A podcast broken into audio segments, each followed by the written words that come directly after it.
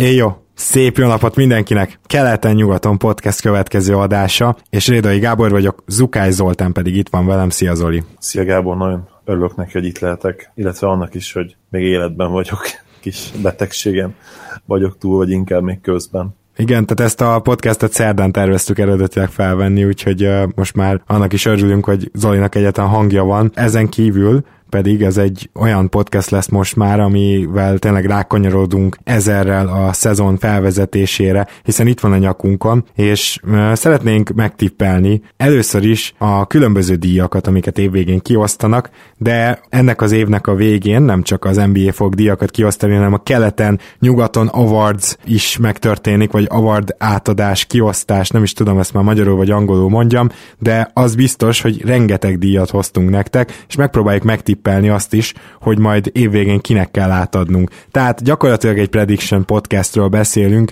de ma még nem fogjuk érinteni azt, hogy melyik csapat hogy szerepel, inkább kis apró diakon keresztül próbálunk a szezonra egy pici kedvet csinálni, és ezeknek a diaknak lesz neve is, hol vicces, hol kevésbé vicces, de azért nagyon igyekeztünk. Szerintem csapjunk a lecsóba, Zoli, mert hogy rengeteg van, ugye, és akkor talán kezdjük a száraz, unalmas díjakkal, amit az NBA ad át, és nem az érdekes és jófej díjakkal, amiket mi. Rendben, én is azt gondolom, hogy, hogy ez a sorrend megfelelő lesz, már csak azért is, mert akkor ugye komoly részével kezdjük. A második fel az egy kicsit exotikus lesz, hogy így fogalmazzak, de nagyon remélünk. Mit reméljük, hát tudjuk, legyünk őszinték Többek között én, én is segítettem a nevek kitalálásában, úgyhogy biztosak vagyunk benne, hogy jól fogtok szórakozni. Szóval akkor mm, a le- lehető legnagyobb díjunk az MVP, amit uh, idén is ugye várhatóan egy nagy versenyben osztanak ki, mert az elmúlt két-három évnek a nagy versenye az talán nem sokat fog változni, de mégis úgy gondolom, hogy itt azért két elég egyértelmű jelölt van. Van egy ilyen talán, talán jelölt, és vannak, van három olyan játékos, akik megkaphatják, de talán épp a saját csapattársuk miatt nem fogják tudni megkapni. Tehát összesen 6 embert írtam fel, de azért van egy egyértelmű győztesem, nem is húzom tovább, tehát Kawhi Leonard nálam az MVP. Most nem kezdem el mondani a jelölteket, hanem elmondom, hogy miért Kawhi lesz az MVP ennek a szezonnak szerintem, és akkor te majd elmondhatod, hogy nálad ki, illetve hogy nálad kik voltak a jelöltek. Először is Lenard gyakorlatilag egy egyszemélyes csapatot kezd alkotni lassan a Spursben, ami magában a Spurs kultúrának is nagyon furcsa. Tehát az elmúlt évben is láttuk azt, hogy ő bizony gyakorlatilag egy személyben emeli fel ezt a csapatot, az ő játékára építenek, és éppen ezért rengeteg ISO is bekerült Popovicséknak az eszköztárába, ami még Kóti Ádám is nem is tudom, szégyenkezett, vagy sajnálkozott, vagy a kettőt együtt, amikor a Spurs podcastet letoltuk. Na most azt gondolom, hogy mivel rengeteg olyan sztár került most már tényleg egybe egy csapathoz, akik egy picit kénytelen kelletlen statisztikailag ki fogják oltani egymást, ezért uh, Lenárd előtt óriási lehetőség van, hogy bezsebelje az MVP címet. Ehhez az kell szerintem mindenképp, hogy a Spurs egy legalább 55-56 győzelmet megszerezzen. Én e köré tippelem őket, ezt majd későbbi podcastjainkben halljátok is, de épp ezért, és azt is hozzátéve, hogy a másik nagy jelöltem LeBron James, aki szintén egyedül lesz legalább a szezon első felében, szerintem egy olyan csapatot fog vezetni, ami talán megnyeri keletet, de semmiképpen nem ér el 56-57 győzelemig, ezért én Kawai-ra tippelek. Nálad ki fut be MVP-nek? Azt hiszem, hogy nem lövöm le point azzal, vagy legalábbis szerintem, ha megkérdeztem volna tőled, hogy szerinted kire szavaztam, akkor ugyanazt mondtad volna. Tehát egy nálam is a derék Kawai barátunk győzedelmeskedett. Gondolkoztam én is LeBronon, de hiába nem nyert, talán most már három éve, azért csak van neki, ha jól emlékszem, öt, de legalább négy MVP trófeája, azt hiszem talán négy inkább. Nem hiszem, hogy most fogja megkapni az ötödiket. A Spurs pedig, hogyha folytatja azt, azt a évtizedes, sőt, hát ugye gyakorlatilag majdnem két évtizedes sikersorozatát, amiről már nagyon sokat beszéltünk, és ami azt jelenti, hogy legalább minimum 50 győzelemre őket be lehet írni automatikusan, akkor nehezen tudom elképzelni, hogy kawhi valaki elvegye ezt a díjat. És ezzel nem azt mondom nyilván, hogy 50 győzelem elég lehet ehhez, nem gondolom azt, hogy elég lehet, sőt, biztos, hogy nem lenne elég, de a spurs azért valljuk be, legrosszabb esetben is ilyen 57, 56, győzelmet várunk, ami hogyha olyan teljesítménnyel, olyan egyéni teljesítménnyel párosul tőle, mint amit a play láttunk, sajnos nem elég hosszú ideig, sajnálatos sérülés miatt a, a főcsoport döntőben, akkor azt gondolom, hogy, hogy ő fogja megkapni, és azért is fogja ő megkapni, mert torony magasan jelen pillanatban a liga legjobb two-way játékosa, amit szerintem most már díjazni fognak. Kicsit előre szaladva nem lepne meg, hogyha Michael Jordan után ő lenne a második, aki, aki megcsinálja a nagy duplázást. Hát igen, ez bőven benne van a pakliban. Van egy Dark Horse, kitalálod, hogy ki, ki a, aki nálam a sötét ló? Hát, hogyha ennyire így mondod, akkor nem, nem a Warriors egyik fene gyereke, ugye? Nem, igen, ezt jól gondolod. Mm, de akkor valószínűleg nem is a Rockets játékosa lehet. Így van, ezt is jól gondolod, hogy nem. Hát akkor mondtad, mondanám, hogy Anthony Davis, de hát azért ő sem lenne annyira nagyon sötét ló, nem? Hát szerintem ő sötét lónak jó, csak hogy nem tudom, hogy Cousins mellett is fogja tudni hozni azokat az űrstatisztikákat, ami az alap kéne, hogy legyen, és még emellett kellene minél jobban szerepelni ugye a Pelicansnek. Úgyhogy nem, egy kifejezetten olyan játékosra gondolok, aki mostanában tört be a legjobbak közé, és torony magasan a csapata a legjobbja, és még fejlődhet is. Nem Townsra gondolsz? Nem. Jó, akkor szabad a gazda. Rendben, uh, Antetokumpóra gondolok. Szerintem nagyon jó Dark Horse jelölt, de ez az kell, hogy a Bucks hát minimum top 3-ba végezzen keleten, és elérje az 50 győzelmet. Egyikre se látok semmi esélyt se, ezért gondolom, hogy egy Dark Horse jelölt, és bevallom őszintén, hogy én még arra se igazán látok esélyt, hogy megint akkor átlép Antetokumpo, mint amit 2015-6-ról 6 hétre tehát az előző szezonra, tehát az egy óriási lépés volt, nem fog megint ekkorát lépni, úgyhogy tényleg csak zárójelbe írtam fel, de a helyzet nála adott, tehát hogyha az a csapat jó, és hogyha ő jó statisztikákat hoz, és ne adj Isten még triplát is mondjuk elkezd dobni, amivel tényleg egy ilyen megállíthatatlan fegyvere lesz a Bucksnak, akkor, mint sötét ló felmerül. És három nevet írtam fel zárójában, kimondva, kimondatlanul le is lőtted ezeket, Harden, curry és Durantet, ugye pontosan az lehet velük a probléma, hogy uh, ott vannak egymás mellett, ugye Hardennek ott van Chris Paul, és se statisztikailag nem biztos, hogy, hogy egyértelműen uh, ilyen szuper évet tudnak produkálni, mármint úgy értem, hogy kiugróan all-time elite évet, és abba se vagyok biztos, hogy mondjuk egyértelműen az egyiknek vagy a másiknak tudható-e majd be a siker, hogy így fogjuk-e érezni. Úgyhogy őket is csak emiatt megemlítés szintjén felírtam. És nem is tudom, van, van bárki más, aki neked fontos lenne itt megemlítésre? Igen, röviden még hadd reagáljak Jániszra, hogy ebből is látszik, hogy már annyira magasan fénylik az ő státusza, hogy, hogy eszembe se jutott, mint sötét ló jelölt, pedig egyébként tényleg az, hogy, lefest, pedig ahogy levezetted logikailag teljes mértékben stimmel. Én Curryt mondanám még, mert bár majdnem biztos vagyok abban, hogy nem fogja megnyerni az MVP-t, én, én úgy gondolom, hogy ő jelen pillanatban a liga a legnagyobb impact bíró játékosa, még LeBron előtt is. A probléma az, hogy, hogy ezen impact nagyon nagy része nem, nem igazán mérhető, ugye beszéltünk már a gravitációról. Lehet, hogy egyébként az abból fakad, hogy én a shootereket különösen szeretem, és hát ő ugye minden idők egyértelműen a legjobb shootere. Azt szerintem már két éve kimondhattuk, most pedig már vitatkozni se érdemes rajta. Én őt említeném még. Durantot is kedvelem, de valahogy az ő MVP címét, az, az ő MVP címe mögé nem igazán tudnék teljes messzélességgel odállni. Pont ezért, mert azt gondolom, hogy még a statisztikailag nem is hozna pontosan annyira jó szezont Curry, mégis ő lenne az, aki igazából uh, jobban befolyásolja a csapata győzelmi mutatóját. Hát akkor, ha már említettük ezt a bizonyos duplázást, akkor térjünk át a Defensive Player of Year-re. Itt biztosan megemlítjük Kawhi Leonardot szintén, de egyetlen egy dolog áll, hát gyakorlatilag húzhatja keresztül a számításainkat, akár az MVP-nél, ahol teljesen szinte ugyanúgy gondolkoztunk, majd kíváncsi vagyok, hogy a defensive player-nél is hasonlóan gondolkozunk-e, hogy, hogy Kawhi Leonard ugye jelen pillanatban sérült, és ismerjük, hogy a Spurs mennyire szokta a játékosok sérüléseit közölni, tehát amikor nem sérült egy játékos, csak pihentetik, akkor is bemondják, hogy sérült, meg néha az sem derül ki, hogy most fél évet ki fog valaki hagyni. Most ezt csak azért mondom, mert óriási köd van már megint Lenart körül, ugye elvileg a preseason mindenképpen kiüli, de hát őszinte leszek, én semmi nem lepődök meg a spurs kapcsolatban, hihetetlen nagy húzás lenne szerintem, hogyha a Spurs úgymond elpantolná ezt az évet, mert mondjuk Kawai-nak lenne egy olyan sérülése, amiről most nem tudunk, és ezért valójában a fél szezont kiüli, és gondolj bele, hogy a Spurs arra gondol, hogy mondjuk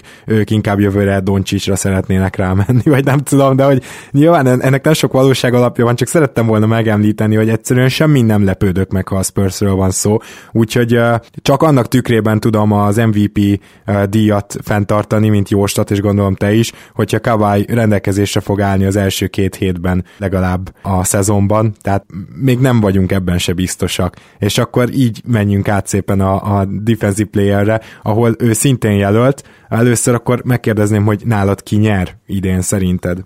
Nálam Rudi végre rétbe ér. Tehát Rudy Gobert. Uh-huh. Így van, Rudy Gobert. Hát bizony nálam is nyert, úgyhogy akkor eddig nem tudunk igazán vitatkozni. Én is így gondolom, és ö, nem tudom, hogy nálad mi a, a, a hát indoklás, de nálam egyértelműen az, hogy ezt a jest, ezt top 2-be várom, de a legesleg rosszabb esetben is top 3-ba védekezésbe, de tényleg akkor az, az már nem olyan jó jazz, hogyha csak harmadikok lesznek, és ennek lesz a vezér alakja, hogyha minden jól megy Gober, aki már tavaly is gyakorlatilag a három legjobb védő között ott volt, és hogyha a jazz emellett rájátszásba jut, amit bevallom őszintén nálam nem jutnak rájátszásba egyébként, de hogyha mégis sikerül nekik, akkor egyértelmű lesz ez a cím, mert azért nem szeretnek legjobb védőjátékost rájátszáson kívülről választani, vagy ritka, de hogyha mondjuk egy kompetitív jó csapat lesz, esetleg éppen, hogy lemaradnak, mint hogy én jósolnám, én még akkor is azt mondom, hogy, hogy nagyon könnyen lehet, hogy Gober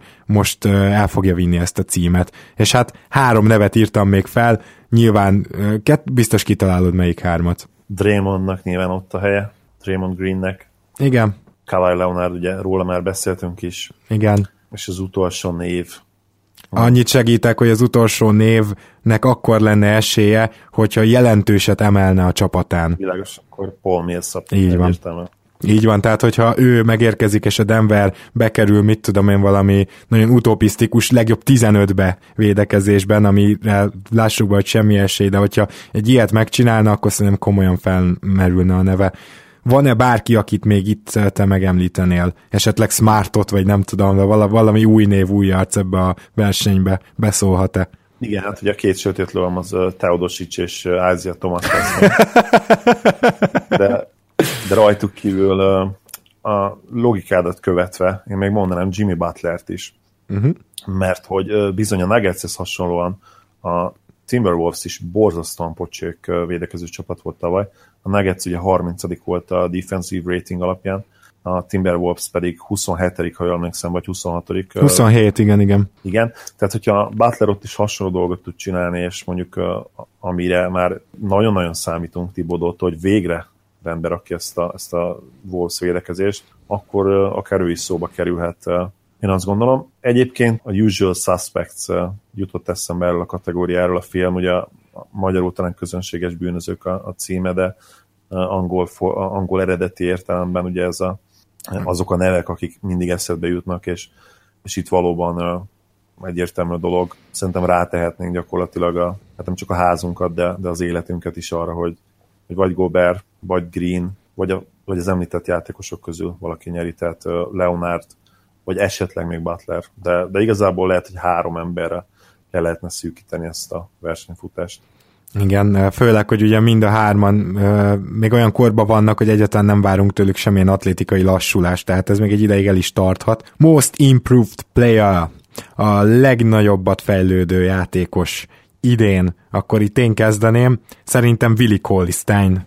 Ugye már beszéltünk korábban is róla, hogy kiugró évet várunk, ő neki megvan minden lehetősége is arra, hogy ez a kiugró éve statisztikailag is mutatós legyen, főleg, hogyha ő tudna esetleg egy ilyen 12-14 pont, 11 lepattanó, ami szerintem benne van, tehát ő játszik, ebbe benne van, tehát egy dupla-duplát átlagolni pár blokkal, emellett esetleg mondjuk talán csak két-három asszisztal, akkor én szerintem ő komoly jelölt lehet, mert hogy ugye lássuk be, hogy Cousins mögött neki egyszerűen nem volt tere megmutatni magát, nem volt lehetősége, viszont ő, na ő egy olyan védő, aki majd, ha már beszéltünk a Defensive Player of Year-ről, a következő években akár még majd egyszer bele is szólhat ebbe, és nála azért, eh, hogyha nagyobb teret kap, akkor én azt gondolom, hogy várhatunk egy robbanást, maximum nem lesz igazam. Eh, több jelöltem is volt, őket majd elmondom, de először lássuk, hogy nálad kinyert. Rendben, nálam Brandon Ingram. A whitefülű NBA fanoknak lehet, hogy fura egy első hallásra, és eh, való igaz, hogy szofomorok nagyon ritkán szoktak nyerni, ha, ha jól emlékszem, akkor azért volt rá példa, mint hogyha mondta Montellis, illetve talán Gilbert Arenas is sophomore-ként nyertek volna, de nem esküszöm meg rá. Az biztos, hogy, hogy szabály szerint nyerhet sophomore, tehát hogyha még esetleg nem is nyert soha senki, de mondom szerintem igen, akkor is Ingram kvalifikáltna erre a díjra, és szerintem annyira gyenge volt a, az újonc éve, hogy már csak ezért is jó jelöltő.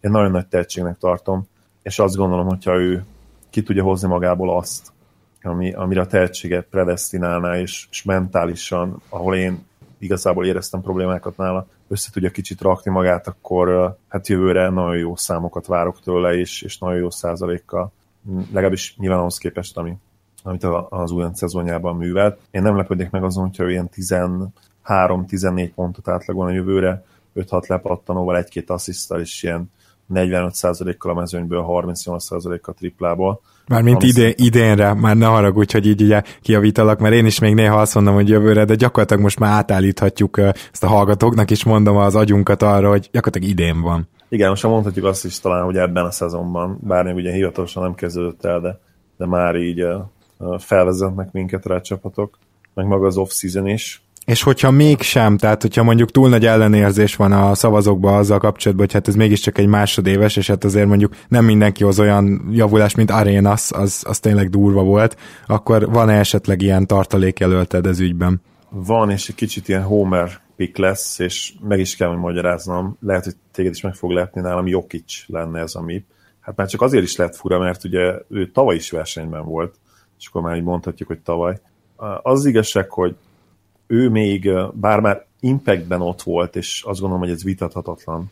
Tehát könnyebb lenne azt mondani, hogy ő top 20-as játékos volt, mert tavaly is, mint mondjuk amellett érvelni, hogy nem. Impact terén legalábbis mindenképp. Viszont ugye a percek még nem feltétlenül voltak ott, és, és a szezon elején volt ez a hát másfél hónap, lehet, hogy majdnem két hónap is, ami, aminek ugye egy kiesett, mert meg kellett vívni ezt a kis küzdelmét az edzővel, míg Melon kihúzta a fejét az alfeléből, és berakta őt az eredeti pozíciójába, centerbe, és onnantól kezdve egyrészt ugye a csapatra gyakorolt hatása is elképesztő volt, a főleg az ő passzjátékára építő Nuggets december és ugye a playoff időpontjaig, tehát áprilisig a liga legjobb támadó játéket produkálta, még a Warriorsnál is jobbak voltak ebben az idő intervallumban és hát bizony volt jó pár egészen elképesztő meccse, ami a, ami a statokat illeti. Ha ő idén 32-33 percet tud játszani, és, és Millsap még inkább leveszi a terhet a válla, vállairól, én nem lepődnék meg azon, hogyha ő lenyomna egy ilyen 21 pontos, 12 pattanós, 6 asszisztos szezont, ami hát lehet, hogy elég lenne az, hogy megnyeri a MIP-et, főleg egy olyan év után, ahol azért volt egy kiemelkedő Eh, most improved eh, player ugye Jannis eh, személyében. Hát igen, de kíváncsi lennék, tehát hogy én szerintem már tényleg annyira kezd fent lenni a státusza így a szezon elejéhez közelítve, hogy, hogy, hogy ez problémát okozhat. Igen, igen ez benne lehet. Hát két, két egyébként. Ezért sötét ló. Igen, de egy kicsit két ilyen necces jelöltet választottál ilyen szempontból, és szerintem nagy szó lenne bármelyik, hogyha bejönne. Mondok én neked egy olyat, aki, akit én esélyesebbnek tartok az említett kettőnél, és nem Willi Colistein, az Radni Hood, akire sokkal nagyobb feladat fog hárulni, és hogyha egy picit hatékonyabban elő tud lépni első számú scorerré, akkor ez klasszikusan egy olyan szituáció, amit nagyon-nagyon szeretnek a MIP-nél, nagyon-nagyon szeretnek a Most Improved Player-nél. Ugye Danny Granger gyakorlatilag ezzel, ezzel nyerte meg ezt a díjat, és Radney Hood ráadásul még kicsit hasonló játékos is Grangerhez, úgyhogy tényleg sok párhuzamot tudnék mondani.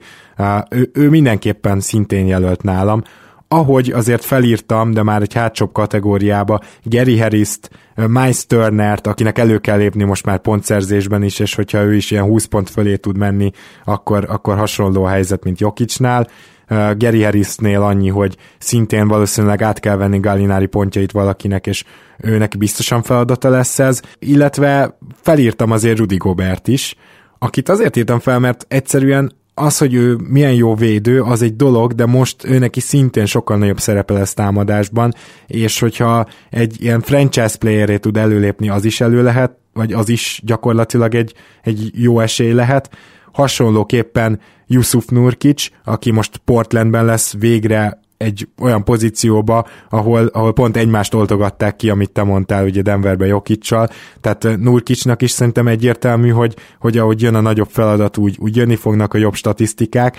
Még egy nevet említenék, ez pedig egy olyan játékos, akit az olyan díjnál is meg fogok említeni, hogy végleg elfelejtjük, de hogyha meg véletlenül sikerülne csak egy közepesnél kicsit jobb szezont produkálni és bekerülni a Denver kezdőjébe, Moody-ről beszélek, akkor ő eddig annyira rossz volt, hogy lehet, hogy már ebbe a díjba is szóba jöhet. Szóval ezek a nevek, bármelyikre esetleg akarsz reagálni. Moody pikkel kapcsolatban, hát kicsit elmosolyodtam, de egyébként a logika az, az akár működhet is két-három játékosra én is, én is gondoltam egyébként a általad felsoroltak közül, Húdra mindenképp.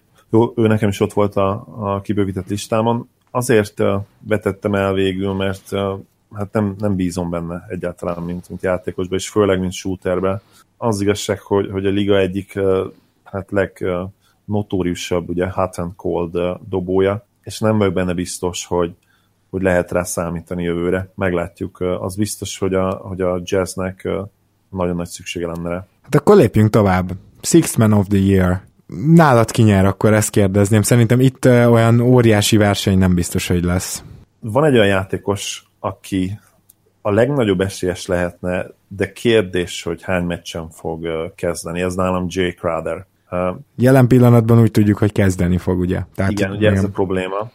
Hogyha Thomson tényleg megy a padra, már pedig nagyon úgy néz ki, hogy megy, és főleg amíg nem jön Thomas vissza, kérdés, hogy hány meccsen fog kezdeni Crowder.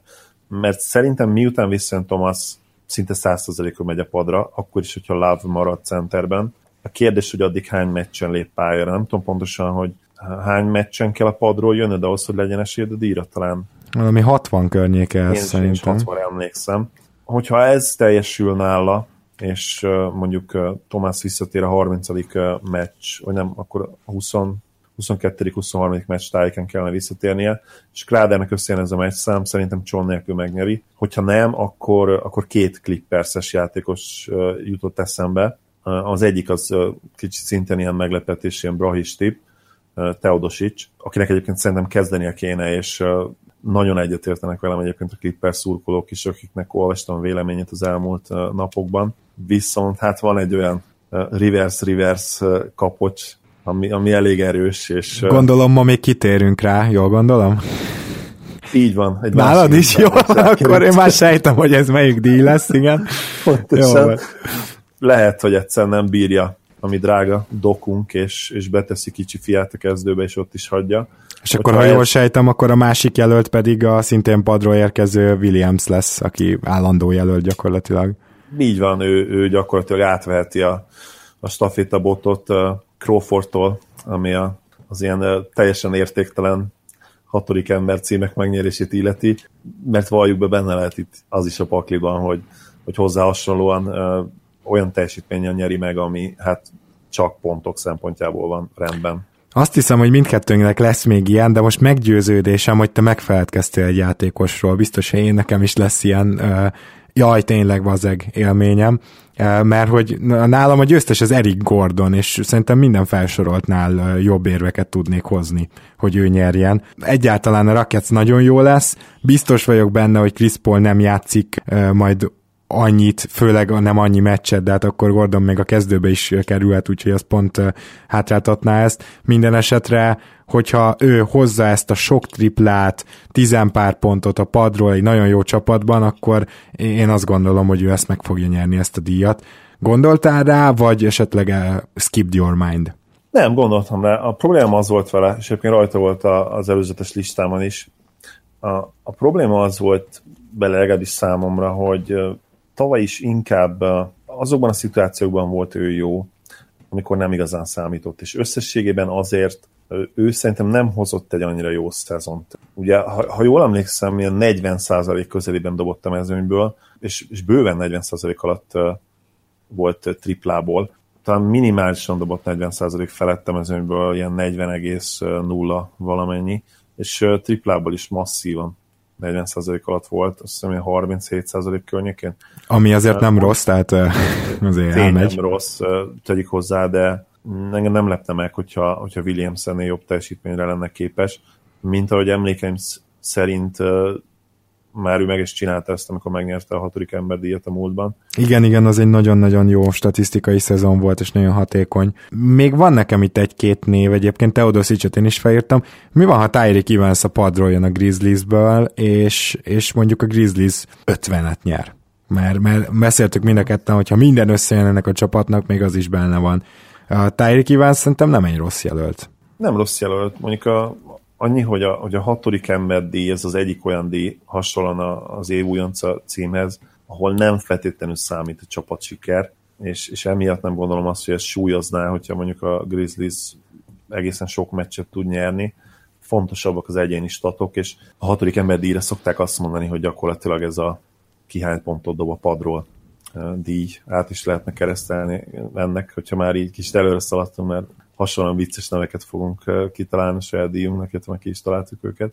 Szóval, ha nem lesz meg neki az a pontszám, akkor nem lesz esélye, és én kétlem, hogy a, hogy a Grizzlies rendszerében neki összejönne annyi dobó lehetőség, amilyen 15-16 ponthoz kell Hát igen. Szóval a lassú csapatoknak a hatodik embere ilyenkor nincsenek előnybe, maradjunk annyiban. Még Norman Powell-t írtam fel csak azért, hogy legyen egy homer tippem is, hogyha nagyon bejön esetleg. Tök jó szerződést kötött vele szerintem a Raptors, remélem most már nyugalomba lesz, és talán egy ilyen kitörő év is belefér, és ő a padról fog jönni jelen tudásunk szerint, úgyhogy őt említeném meg, meg illetve Greg Monroe-t, aki egyébként nálam tavaly is versenybe kellett volna, hogy legyen, valamiért nem volt, de, de nagyon jól megtalálta a szerepét a Bucks, és nekem nagyon tetszik az is, hogy a védekezőbb, de amúgy szinte semmi másban nem jó, vagy hát Monroe-nál semmiképpen nem jobb Tom Maker újoncként is akkor inkább kezdett, aztán beütött egy két gyors faltját, és akkor jött Monroe, szerintem nagyon szuper jól megtalálták, én azt gondolom, hogy ő is szóba kéne, hogy jöjjön. És még egy embert írtam fel, Jogi Ferelt, akit nem tudjuk, hogy kezdeni fog-e vagy nem. Te is fejtegetted, hogy ez még teljesen, tehát ez, erre még nem vetült fény, viszont hogyha ő a padról tud egy ilyen rendszeres pontszerző impact játékos lenni, amivel viszont Kárlai rendszerében bőven benne van, akkor azt kell, hogy mondjam, hogy lehetséges, hogy, hogy majd említésre kerül ő is. A másik lehetőség meg az, hogy Smith mellett kezd, nem tudom. Szerintem egyik se fog megvalósulni. Illetve az, hogy kezd, az gyakorlatilag eldőlt, most már sajnos kijelenthetjük. Igen? Tehát smith együtt fog kezdeni? Utalt rá Carlisle, igen, hogy meg, meg voltak ilyen olyan kiszivárgott információk, amikben azért lehet bízni, hogy, hogy legalábbis a szezon elején kezdeni fog Ferel az nem biztos, hogy többet fog játszani, mint uh, Smith, de valószínűleg ővé lesz a kezdő státusz a szezon elején. Visszatérve Greg monroe a legnagyobb probléma nyilván itt az volt, hogy 11,7 pontot átlagolt, amit ugye mondtam az előbb, hogy ha valaki nem tud 15-17 pontot átlagolni, az, az nem nagyon fogja megnyerni ezt a díjat. Kivétel esetleg akkor lehetne, hogyha valami egészen kolosszálisan jó védő lenne, de ezek a játékosok meg kezdeni szoktak. Hát igen.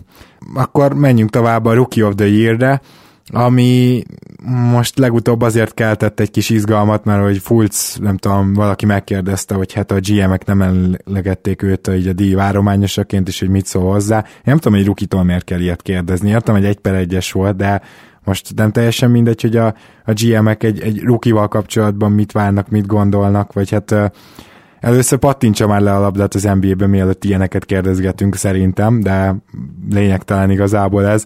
Az biztos, hogy nálam sincs ott a jelöltek között, még csak zárójelbe se írtam föl. Nemes egyszerűséggel azért, mert a csapattársa Simons annyival nagyobb impaktú játékos lehet az elején.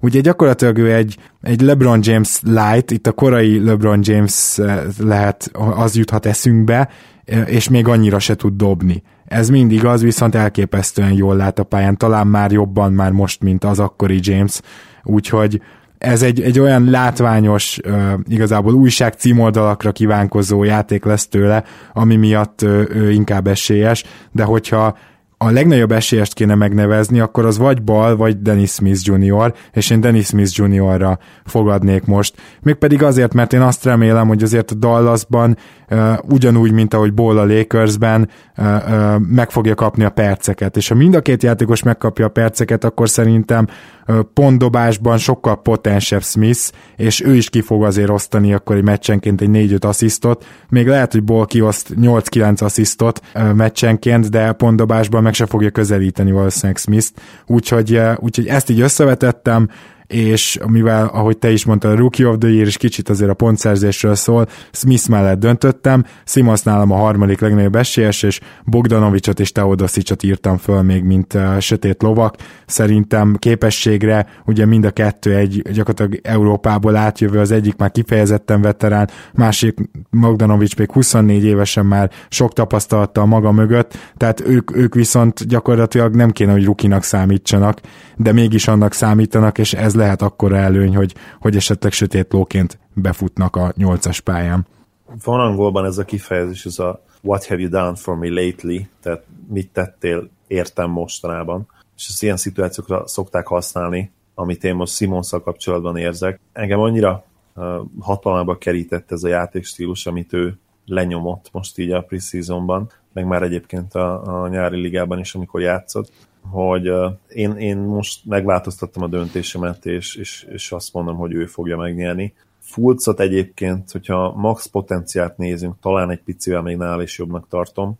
Embiid pedig egyébként ugye mind a kettőnél jobb, de ő ugye nem jöhet szóba ennél a kategóriánál már, pedig olyan keveset játszott az NBA-ből, hogy még talán reflexből mindig eszébe jut az embernek, mert az újonc szezonjában is gyakorlatilag játszott 30 valány meccset, más kategóriába ettől függetlenül betettük, szerintem lehet, hogy nálad is ott lesz. Szóval Simons annyira látványosan játszik, hogy ha valaki, akkor ő szerintem megnyerheti ezt a díjat úgy is, hogy nem fog 15-16 pontot átlagolni, mert egyébként nem csak a jumper, mert az még nem feltétlenül lenne annyira problémás, nagyon jól tör be a srác. A probléma az, hogy a büntetőit sem fogja tudni olyan százalékban értékesíteni, hogy meglegyen az a 15-16 pont, szerintem olyan 12 pont körül fog átlagolni, viszont annyira látványos tényleg a játéka, és nagyon jó pattanózó, hogy, hogy ilyen 12-7 7 körüli átlagot várok tőle, és azt, hogy, hogy tényleg hatalmába keríti a, a szavazókat is, úgyhogy én azt gondolom, hogy ő fogja megnyerni. Smith nálam is ott volt a listán, a probléma az, hogy, hogy Carlisle nem fogja teljesen szabadjára engedni őt, a, a póráz az végig ott lesz a nyakán, és a szezon első felében szerintem röviden lesz meghúzva, rövidre lesz meghúzva, és Ból pedig, hát az igazság, hogy vele kapcsolatban úgy érzem, hogy az a pontszerző képesség, ami neki van, az még kevés lesz. Viszont nincs meg nála ez a wow faktor, mint ami Simonsnál. Lehet, hogy hasonló statokat fog hozni, tőle is egyébként ilyen 12 pont és 7 asszisztra számítok, de egyrészt nem fog valószínűleg annyira jól pattanózni, mint Simons, és nem lesz meg ez a úristen, nézd meg ezt a gyereket, olyan, mint LeBron volt faktor, amiről te is beszéltél, és ami egyébként nekem is eszembe jutott, meg valószínűleg minden olyan szurkolónak, aki LeBront látta korán játszani a rookie évében, vagy pedig a sophomore szezonjában. Executive of the Year. Hát én nem tudom, hogy Sam Presti-től ezt bárki hogy vehetné el, gondolom nálad is ő nyer. Így van, nálam is ő nyert.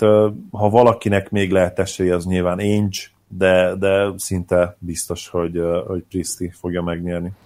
Évegyzőjedi egyetlen egy nevet írtam föl, mégpedig azért, mert azt gondolom, hogy idén kicsit úgy fognak elosztani a csapatok, hogy talán lehet egy-két meglepetés, de semmiképpen sem olyan meglepetés, hogy valaki 60 győzelem fölé lép, anélkül, hogy, hogy, legalább némi esélye lett volna erre, és ilyen szempontból szerintem ha a Warriors megint lehoz egy 67-68 győzelmes szezont, akkor körnek oda fogják adni az évegyzője díjat. Mm, lehet, hogy csak én várok túl kevés meglepetés, de én őt jósolom, és nem is írtam mást föl. Nekem ő a második lett, szintén felírtam a listámra azért, mert én, én a Warriors-tól azt várom, hogy megint 70 meccset nyerjenek. hogyha, hogyha ez megtörténik, akkor valószínűleg nehéz lesz tőle elvenni. A, a másik jelöltem az pedig Stevens, nem csak azért, mert a státusz annyira jó, hanem mert tőle elvárom azt, hogy, hogy ebből az új magból nagyon hamar ö, csapatot kreáljon, és ha esetleg megint meg, tudnék, meg tudnánk előzni a Cavs a celtics akkor lehet, hogy megnyerni még akkor is, hogyha mondjuk ő idézőjelben csak ilyen 59-60 meccset nyer, ellentétben egy 70 meccses Warriors szezonnal. Hát igen, de azért, hogyha most a pisztolyt szorítanak a fejedhez, hogy dönts, hogy melyik a valószínűbb, akkor a 70 meccses Warriors szezon a valószínűbb, nem? Igen, azt szerintem valószínűbb, hogy a Warriors 70 meccset nyer, mint, mint, mint hogy a Boston 60-at, egyértelmű hát végigértünk az alapdíjakon, itt most tényleg ilyen NBA tímeket, azokat nem akarunk megjósolni, tehát távol álljon tőlünk ezzel húzni az adásidőt, hanem szeretnénk beszélni nektek egy kicsit arról, hogy kiknek tartozunk köszönettel, mindig megtesszük ezt minden adásban, a Laki egy rádiónak azért, mert rendelkezésünkre bocsátja a profi stúdió technikát, a kezdőt hírportálnak pedig azért, mert a hivatalos podcastja vagyunk, és ők is promóznak minket, illetve van nekünk egy stars.hu-nk is, a fő támogatónk, hiszen a stars.hu keleten-nyugaton podcast vagyunk, és akkor ő neki is jár egyrészt a köszönet, másrészt róluk még hallatok a műsor folyamán, most pedig akkor evezzünk kicsit más vizekre, most jönnek a saját díjaink, amiket most még hosszú évekig ki akarunk osztani, természetesen el fogjuk küldeni a, annak az NBA játékosnak, aki megnyerte, nem tudom, hogy odaére, de nem is ez a legfontosabb. Talán kezdjük a második díjunkkal, ne az elsővel, majd elmondom, hogy miért, de, de szépen felírtuk itt sorba. Mindenféle fajta díj lesz itt majd, de a, annyi megkülönböztetés van, hogy az egyéni díjakkal kezdünk és akkor lássuk Zoli, hogy mit veszünk akkor így előre. Igen, a második uh, ilyen uh, képzeletbeli díjunk, amit még kitaláltunk, az a Trust the Process. Most még csak szoruláson van, de várj, míg az erőlködéstől Super Saiyan-né változok uh, kupa amit uh, olyan első vagy másodéves játékosnak uh, szeretnénk kiosztani, aki még nem igazán jó játékos, vagy legalábbis nem olyan játékos, akiből bármit kinéznénk, de már motoszkál benne valami. Hát nem is csak az, hogy motoszkál benne, hanem már látod, hogy baromi jó lesz. Tehát amikor amikor látható, hogy ebből nagy játékos lesz, tehát mondjuk gondoljatok a másodéves Antetokumpóra. Akkor szerintem már lehetett látni, hogy itt ez nem fog megállni ez a fejlődés. Igen, neki olyan, olyan fizikai adottságai voltak, amiből tényleg nehéz volt nem azt gondolni, hogy nála határcsillagos ég, Egyébként nem feltétlenül ez az egyetlen szempont. Egy játékos például lehet egészen hihetetlen módon képzett is, és nem muszáj elit atlétának lennie ahhoz, hogy, hogy belelássunk. És nálam az, az én játékosom az, az picit ilyen elegye ennek a két dolognak. Bizony nálam megint Brandon Ingram jött itt, aki, aki annak ellenére, hogy pocsék szezon futott, számomra mutatott időnként olyan dolgokat, amiben én még mindig meglátom a szupersztárt, és nem tudok el vonatkoztatni és el távolodni ettől a Durant összehasonlítástól. És akkor azt mondod, hogy ebben az évben tulajdonképpen emel annyit a játékán, hogy az tényleg megláthatod benne a szupersztárt, ami ott lappang, tehát hogy már, már tavaly igen, is voltak igen, jelei. Én pontosan ezt várom, igen. Hmm. Hogyha már egyértelműen fogalmazunk, akkor mondjak statokat is. Én tőle egy 15 pontos szezont várok, 6 hét lepattanóval, és, és egy-két uh, gólpasszal. Na, akkor a Most Improved díj óta már egyen nőtt a, azt hiszem a, Igen, a pont átlaga. Beeztettem az ott egy pontot, pont azt mondani, mert említettem az előbb a statjait, de abszolút el tudom kezdeni tényleg, hogy, hogy eléri ezt a pont átlagot, ami valljuk be azért a, az újon szezonja után nem kicsi meglepetés lenne. Hogyha Ball tényleg annyira jó passz játékos, tényleg annyira jó passzoló, mint, mint amennyire várjuk tőle, szerintem benne van, és itt, itt inkább ilyen kicsit ilyen meglepetés-szerű dolgot akartam. Nyilván megbeszéltük előtte, ha elárulhatok ezt, elárulhatom ezt a műhelytitkot, vagy inkább ilyen belső titkot, hogy, hogy Embiid nem játszhat, ugye nem választhatjuk ki, és hát pont emiatt Jokicsot sem lett volna nagyon értelme kiválasztani, mert tulajdonképpen mondhatjuk azt, hogy hát a, bennük a hülye is meglátja a szupersztárt. Hát már tavaly is láttuk, igen, itt ez a probléma. Nagyon érdekes, hogy én egyik nevet sem írtam fel, amit mondtál. Ingramot én nem, nem is írtam föl, igazából van, van benne ráció, hogy majd idén valami olyat meglátunk benne, amitől elhiszik, hogy ő szupersztár lesz, de én egyáltalán nem hiszek annyira Ingramben, mint te.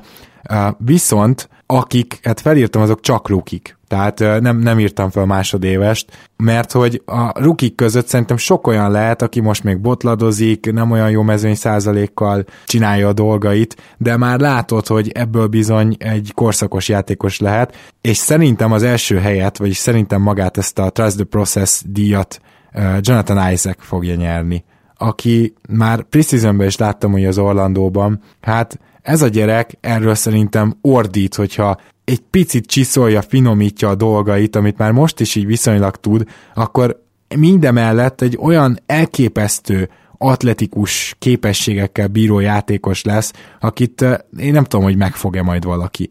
Tehát én tőle ilyen szempontból sokat várok, de ő mindenképpen hosszú távú projekt, és szerintem éppen ezért illik ez a díjhoz nagyon. És akkor még két nevet hagy említsek meg. Az egyik Simons, gyakorlatilag azért, amit beszéltünk, mert hogy nem valószínű, hogy most jól fogja dobni a büntetőt, nem lesz olyan jó a mezőny százaléka, a dobásra nem lesz elég jó, tehát még, még egyáltalán nem fog benne úgymond így belőle egy előjönni a szupersztár, de megcsillanni fog, tehát ő abszolút idevehető, és a harmadik pedig Josh Jackson, aki szintén azért nem biztos, hogy az első évében itt megváltja a világot, de egy nagyon szolid első évet várok tőle, ahol esetleg Kicsit most persze visszautalunk erre a Marion hasonlatra, de könnyen lehet, hogy már blogban is, mondjuk Steelben is egy fölött lesz, és minden mellett pedig egy jól lepattanózó 3-as, 4-es, 12 ponttal mondjuk, és pár asszisztal, és nem is gondolom azt, hogy most ez ebből kéne megállapítani, hogy szupersztár lesz, vagy nem, csak hogy ő is nagyon jó atléta, és szerintem benne is fel fog csillanni ez. Nyilván a győztes Isaac, tehát ő szerintem erre a díj, ennek a díjnak a legnagyobb várományosa. Tök jó, hogy nálad csak újoncok vannak, végre egy ilyen jó kis kontrasztot tudunk adni. Egyébként lehet, hogy túl sokszor egyezik a véleményünk, mert talán ez nem baj. Mert hogy én meg csak, csak és kizárólag olyan játékosokat választottam ki, akik vagy most lesznek a másodévesek, tehát sophomore vagy pedig a harmadik évüket kezdik. Nekem a másik két pikkem az Russell volt, illetve Murray Jamal Murray a, a Nuggetsből, és ugye D'Angelo Russell a Netsből. Utóbbi, tehát Russell azt gondolom, hogy kibontakozhat majd új csapatában, és meg fogja, kap, meg fogja kapni azt a labda számot úgymond, amit, amit a Lakersben hát nem mindig kapott meg, bár ott sem volt olyan nagyon rövid pórázon tartva, de, de most aztán végképp szerintem elszabadulhat majd a pokol. És mi az, ami tényleg... miatt a leendő szupersztár megcsillanhat benne? Mert ugye eddig az volt vele a probléma, hogy se nem elég hatékony, trágya védő, tehát hogy miben változhat, és nem gondolod-e azt, hogy, hogy a Netsben meg, hogyha változik, akkor meg egyből gyakorlatilag sztárra emelkedik? Az utóbbit azért nehezen tudom elképzelni. Nála szerintem egy folyamat lesz az, illetve hát nyilván, hogyha pozitív végkifejlete lesz, akkor beszéltünk csak folyamatról, amíg rájön arra, hogy hogyan használja a testét elit atletikusság nélkül, és hogyan tudja megtalálni azokat a dobóhelyzeteket, amiket ő egyébként zseniálisan be tudna dobni. A, a sophomore évének a második felében azért már mutatott olyan dolgokat, amik engem arra engedtek következtetni, hogy, hogy benne azért ott motoszkált ez a sztár potenciál. Ugye ő azért elég brutális, úgymond ilyen összehasonlításokat, NBA összehasonlításokat kapott. Egyesek említettek egy kicsi ilyen Steph Curry-t is, mások még régebbi időkből, ugye Nick, Nick Van a balkezesség miatt, illetve amiatt is, hogy egészen zseniálisan meg tudja találni magának a dobóhelyzeteket, és egyébként Van sem feltétlenül volt elite shooter, de mégis nagyon-nagyon veszélyes volt. Russellben is szerintem ez megvan, annak ellenére, hogy talán egy picivel lassabb, mint mondjuk Van Excel volt, viszont jobb méretei vannak, magasabb, hosszabb, és ami miatt azt hiszem, hogy, hogy ki, tényleg masszívan kiugorhat ő úgymond az átlagból, az az éra, amiben vagyunk. Tehát a, a Space and Pace az neki nagyon kell hogy feküdjön, és sokkal inkább kell hogy feküdjön annál, mint amit eddig láttunk tőle. És mit kéne látnod tőle a Netsben, hogy ezt elhidd? Igazából átlagokat, és mert azt gondolom, hogy a Lakersben is meg tudta csinálni nagyjából azokat a dobóhelyzeteket, ami mondjuk egy sophomore elvárható lett volna. Erre kell még egy kicsit rátennie, és jobb hatékonyságot igazából ezen múlik. Hogyha ha látom tőle azt tényleg, hogy egy ilyen 38-39%-a be tudja dobálni a triplát, illetve az, hogy playmaking terén is egy nagyon picit előre lép, és, és mint vezér fel tudja vállalni ezt az új szerepet, akkor, akkor szerintem az azt is jelentené majd, hogy, hogy benne akár még egy-két fokozat is van. Hm. Ugye sokszor beszéltünk már erről, hogy, hogy egy játékos fejlődés az nem mindig egy graduális dolog, és még akár periméter játékosoknál sem, mert ugye azt tudjuk, hogy magas embereknél bizony az első két-három év nem feltétlenül mond mindig sokat, ők, ők nagyon sokszor későn érő típusok, illetve több időt is kell adni a fejlődésükhöz. Vala, valahogy én russell is ide veszem abból a szempontból, hogy nála szerintem az a, az a készség, az a skill megvan, ami uh, nagyját tehetné az NBA-ben, és ő tipikusan az a játékos, akiben én évről évre hinnék, akár 27-28 éves koráig is, úgyhogy lehet, hogy majd pár év múlva rákerül egy másik uh, listánkra, vagy egy másik uh, trófáért folytatott versenyünkben, amiről később beszélünk még meg. Igen, viszont Murray teljesen adom, nem is tudom, hogy maradhatott le a listámról, csak hogy én már így tavaly is azt láttam, hogy ebből a srácból még nagyon lehet valami. Az igaz, hogy még nem merem elhinni, és tényleg ez az év kell majd, hogy elhiggyem, úgyhogy még attól is félek, hogy ez a díjhoz ebben az évben már túl jó lesz Murray, tehát én nagyon-nagyon bízok benne, úgyhogy adom, de, de mondom, még félek tőle, hogy még túl jó is lesz ez a díjhoz. Akkor most menjünk vissza az első díjunkhoz, ami, hát mindjárt megértitek, hogy miért vettük előre a másodikat. Most az első díjunk az a Stanley kupa, akár Stanley Johnson. Ezt nézd meg, pont nem láttad. Várjál, megismétlem. Várjál, várjál, menni fog. Hogy is csináltam az előbb? Serleg a legnagyobb sophomore slump uh, díjazása, és én azért uh, nem ezzel szerettem volna kezdeni, mert én nem érzek olyan kiemelkedő, vagy akár közepes újonc szezont az előző idényből, ami jelentősen nagyon rossz lehet, mint ami Stanley Johnsonnál volt tényleg, hogy újonc évében már gyakorlatilag rotációtag volt aktívan, azt hiszem kezdőbe is megfordult, és a 3-as, 4-es poszton egyből bevethető volt, aztán a második évben meg gyakorlatilag kiszorult, nem hogy a kezdőből, hát a rotációból is hónapokig küldette őt Stan Van Gundy. Nos, ilyen díj szerintem idén nem kerül kiosztásra, ennek szerintem amúgy drukkolhatunk is nyugodtan, de ha mégis, akkor Dario Saric az egyetlen jelöltem, akitől bevallom őszintén, hogy én jobb szezont várok, és nem rosszabbat, de megnézve a mostani Philadelphia-t, a labda eloszlást, és azt, hogy ő is azért akkor a legjobb, hogyha tud passzolni, meg valamennyire a kezébe van a labda, azért némi esélyt látok rá, hogy esetleg visszaesik. Nem tudom, mert, mert hogyha ő visszaesne, akkor szerintem az nem jelentene jót a, a Filinek, és lehet, hogy ez Brad Brown időben észrevenné, és előtérbe helyezni őt is egy picit. Hát kíváncsi leszek, hogy ez hogy alakul, de mondom, alapvetően arra várok, hogy nem osztjuk ki ezt a díjat. Akkor nálad ez a trófea nem kerül majd kiosztásra, jól értem? Így van, így van, ezt mondhatjuk. Jó, hát akkor lehet, hogy becsatlakozom hozzá, kicsit most gyáva módon, és azt mondom, hogy akkor én se osztanám ki, de, de ha már leírtam egy nevet, én is egyébként egy európai játékoson gondolkodtam, sőt, hát ugye fel is tettem a listára. Nálam Domantas Sabonis ez a játékos, ami lehet, hogy fura, abból a szempontból, hogy hát ő viszonylagosan kicsit érdektelen, eseménytelen újonc szezont hozott le. Viszont amikor játszott, szerintem nem volt ő alapvetően rossz. Tehát egy, egy playoff csapatban azért elég, sokat, elég sokszor pályára lépett, és főleg a szezon első felében megpróbáltak őt játszatni ilyen 15-18-20 percekre is akár időnként. Ha, ha valakiben benne van az, hogy, hogy tényleg nem, hogy nem sok minden, de, de borzasztóan rossz százalékokat hozzon a, a sophomore szezonjában, azt szerintem ő, és annak kérem mondom hogy egyébként szimpatikus, de hát nem lepődnék meg, hogyha egy ilyen 20%-os tripla szezont hozna egy nagyobb szerepben, és hát a védekezésben sem tudna sokat hozzátenni. Ugye attól is függ, hogy milyen poszton játszatják majd őt.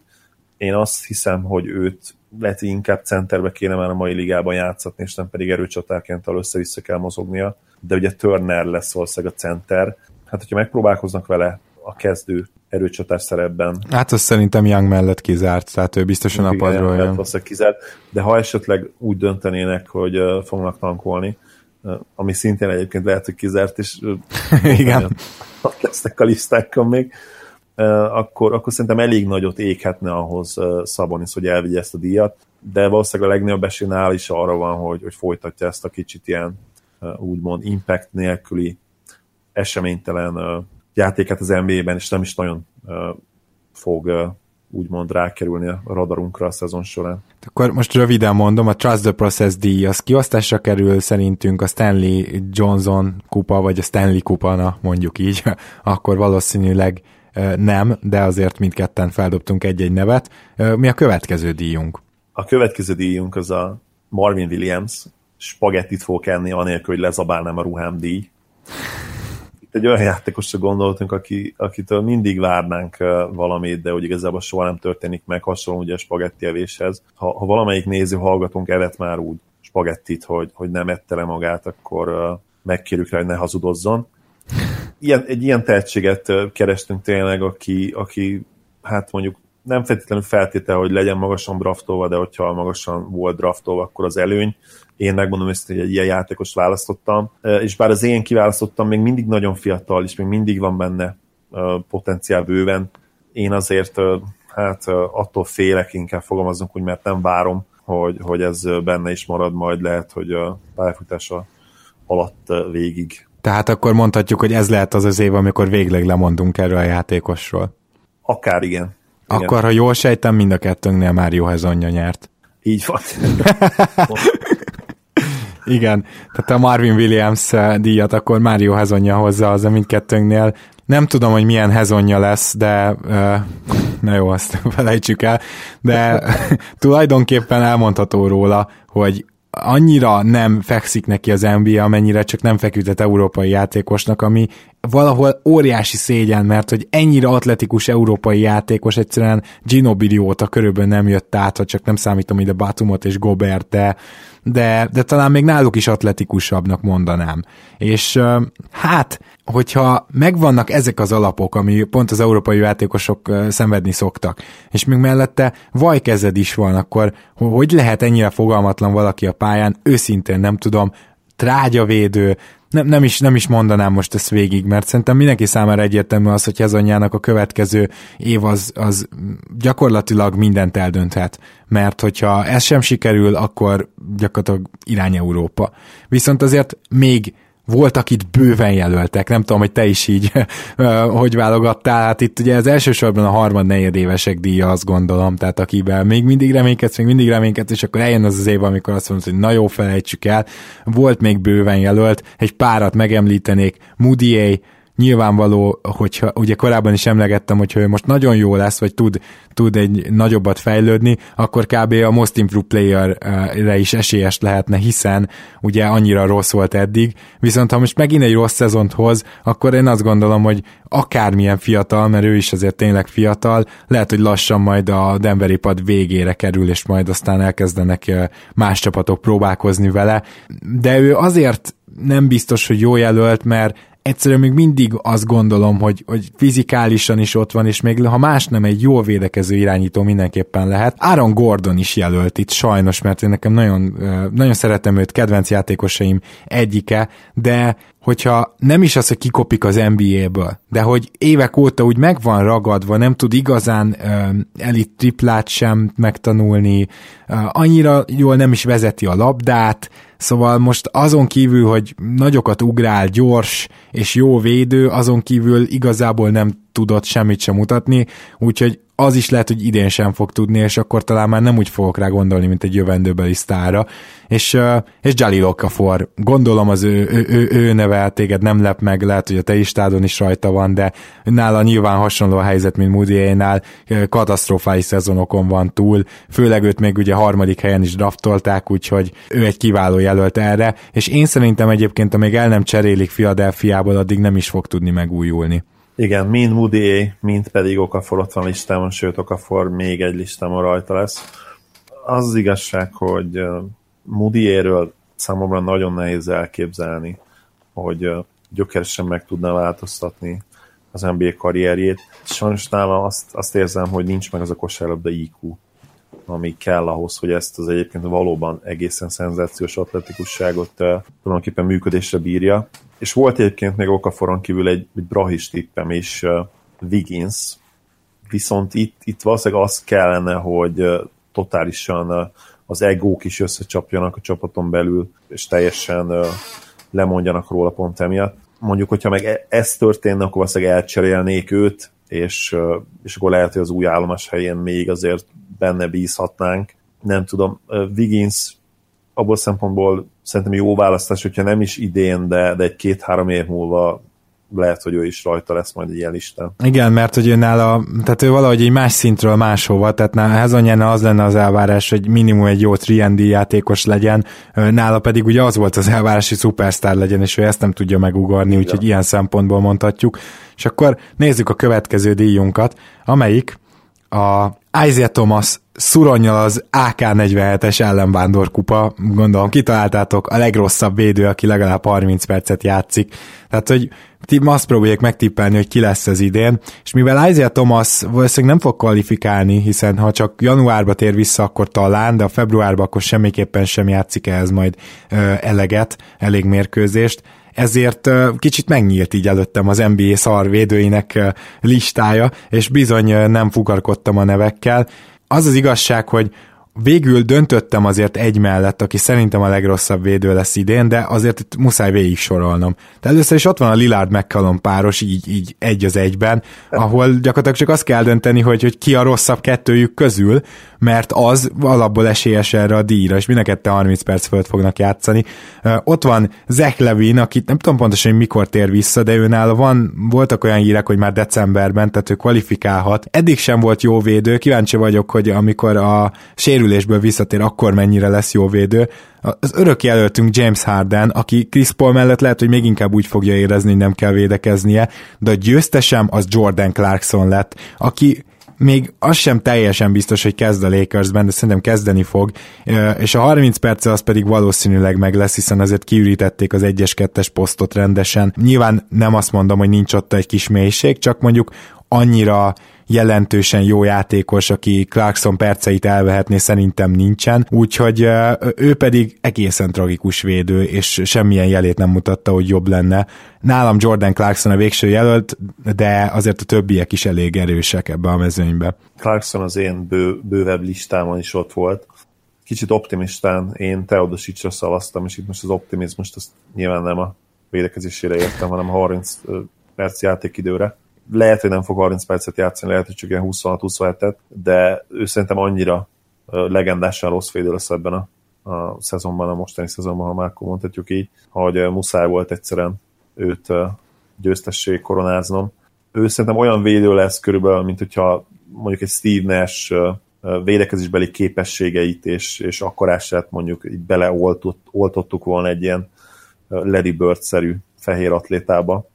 A, Nyilván most a, a tehetséget ignoráljuk, Teodosista körülbelül ezt várom, hogy majd csoszog védekezésben, míg körbefutják a, hát nem csak a gyorsabb irányítók, hanem lehet, hogy a dobó hátvédek is. Tényleg uh, legendásan rossz idő volt már Európában is, sémában sem nagyon tud annyit védekezni. Teodosicsról kicsit Oscar Schmidt jut eszembe, és nem csak azért, mert mindketten egyébként zsenik a pályán, hanem attitűdben is eléggé hasonlóak. Schmidtnek volt egy nagyon-nagyon jó nyilatkozata a 92-es olimpia alatt, amikor egy riporter megkérdezte tőle, hogy miért van az, hogy ő mind, mindig ő az, aki rádobja a labdát, amíg a csapattársai szenvednek és screeneket, elzárásokat adnak neki, és ő gyakorlatilag kihagyás nélkül válaszolt a következőt. Vannak emberek, akik játszanak az onvorán, és vannak emberek, akik cipelik azt. Úgyhogy kicsit Teodosisnak is az a hitvallása, én úgy érzem, lehet, hogy ő tudna védekezni, de úgy van vele, hogy az a játéknak egy olyan része, ami, ami nem feltétlenül fontos, és ő, ő a energiának a 99%-át a támadásokba és a passzjátékba, meg a, meg a virtuóz húzásokba teszi bele. Akkor nézzük szerintem a következő díjunkat. Zoli, konferált fel, kérlek. Örömmel felkonferálom. A következő díjunk az a Kawhi Leonard. Ha azt hitted, ez valami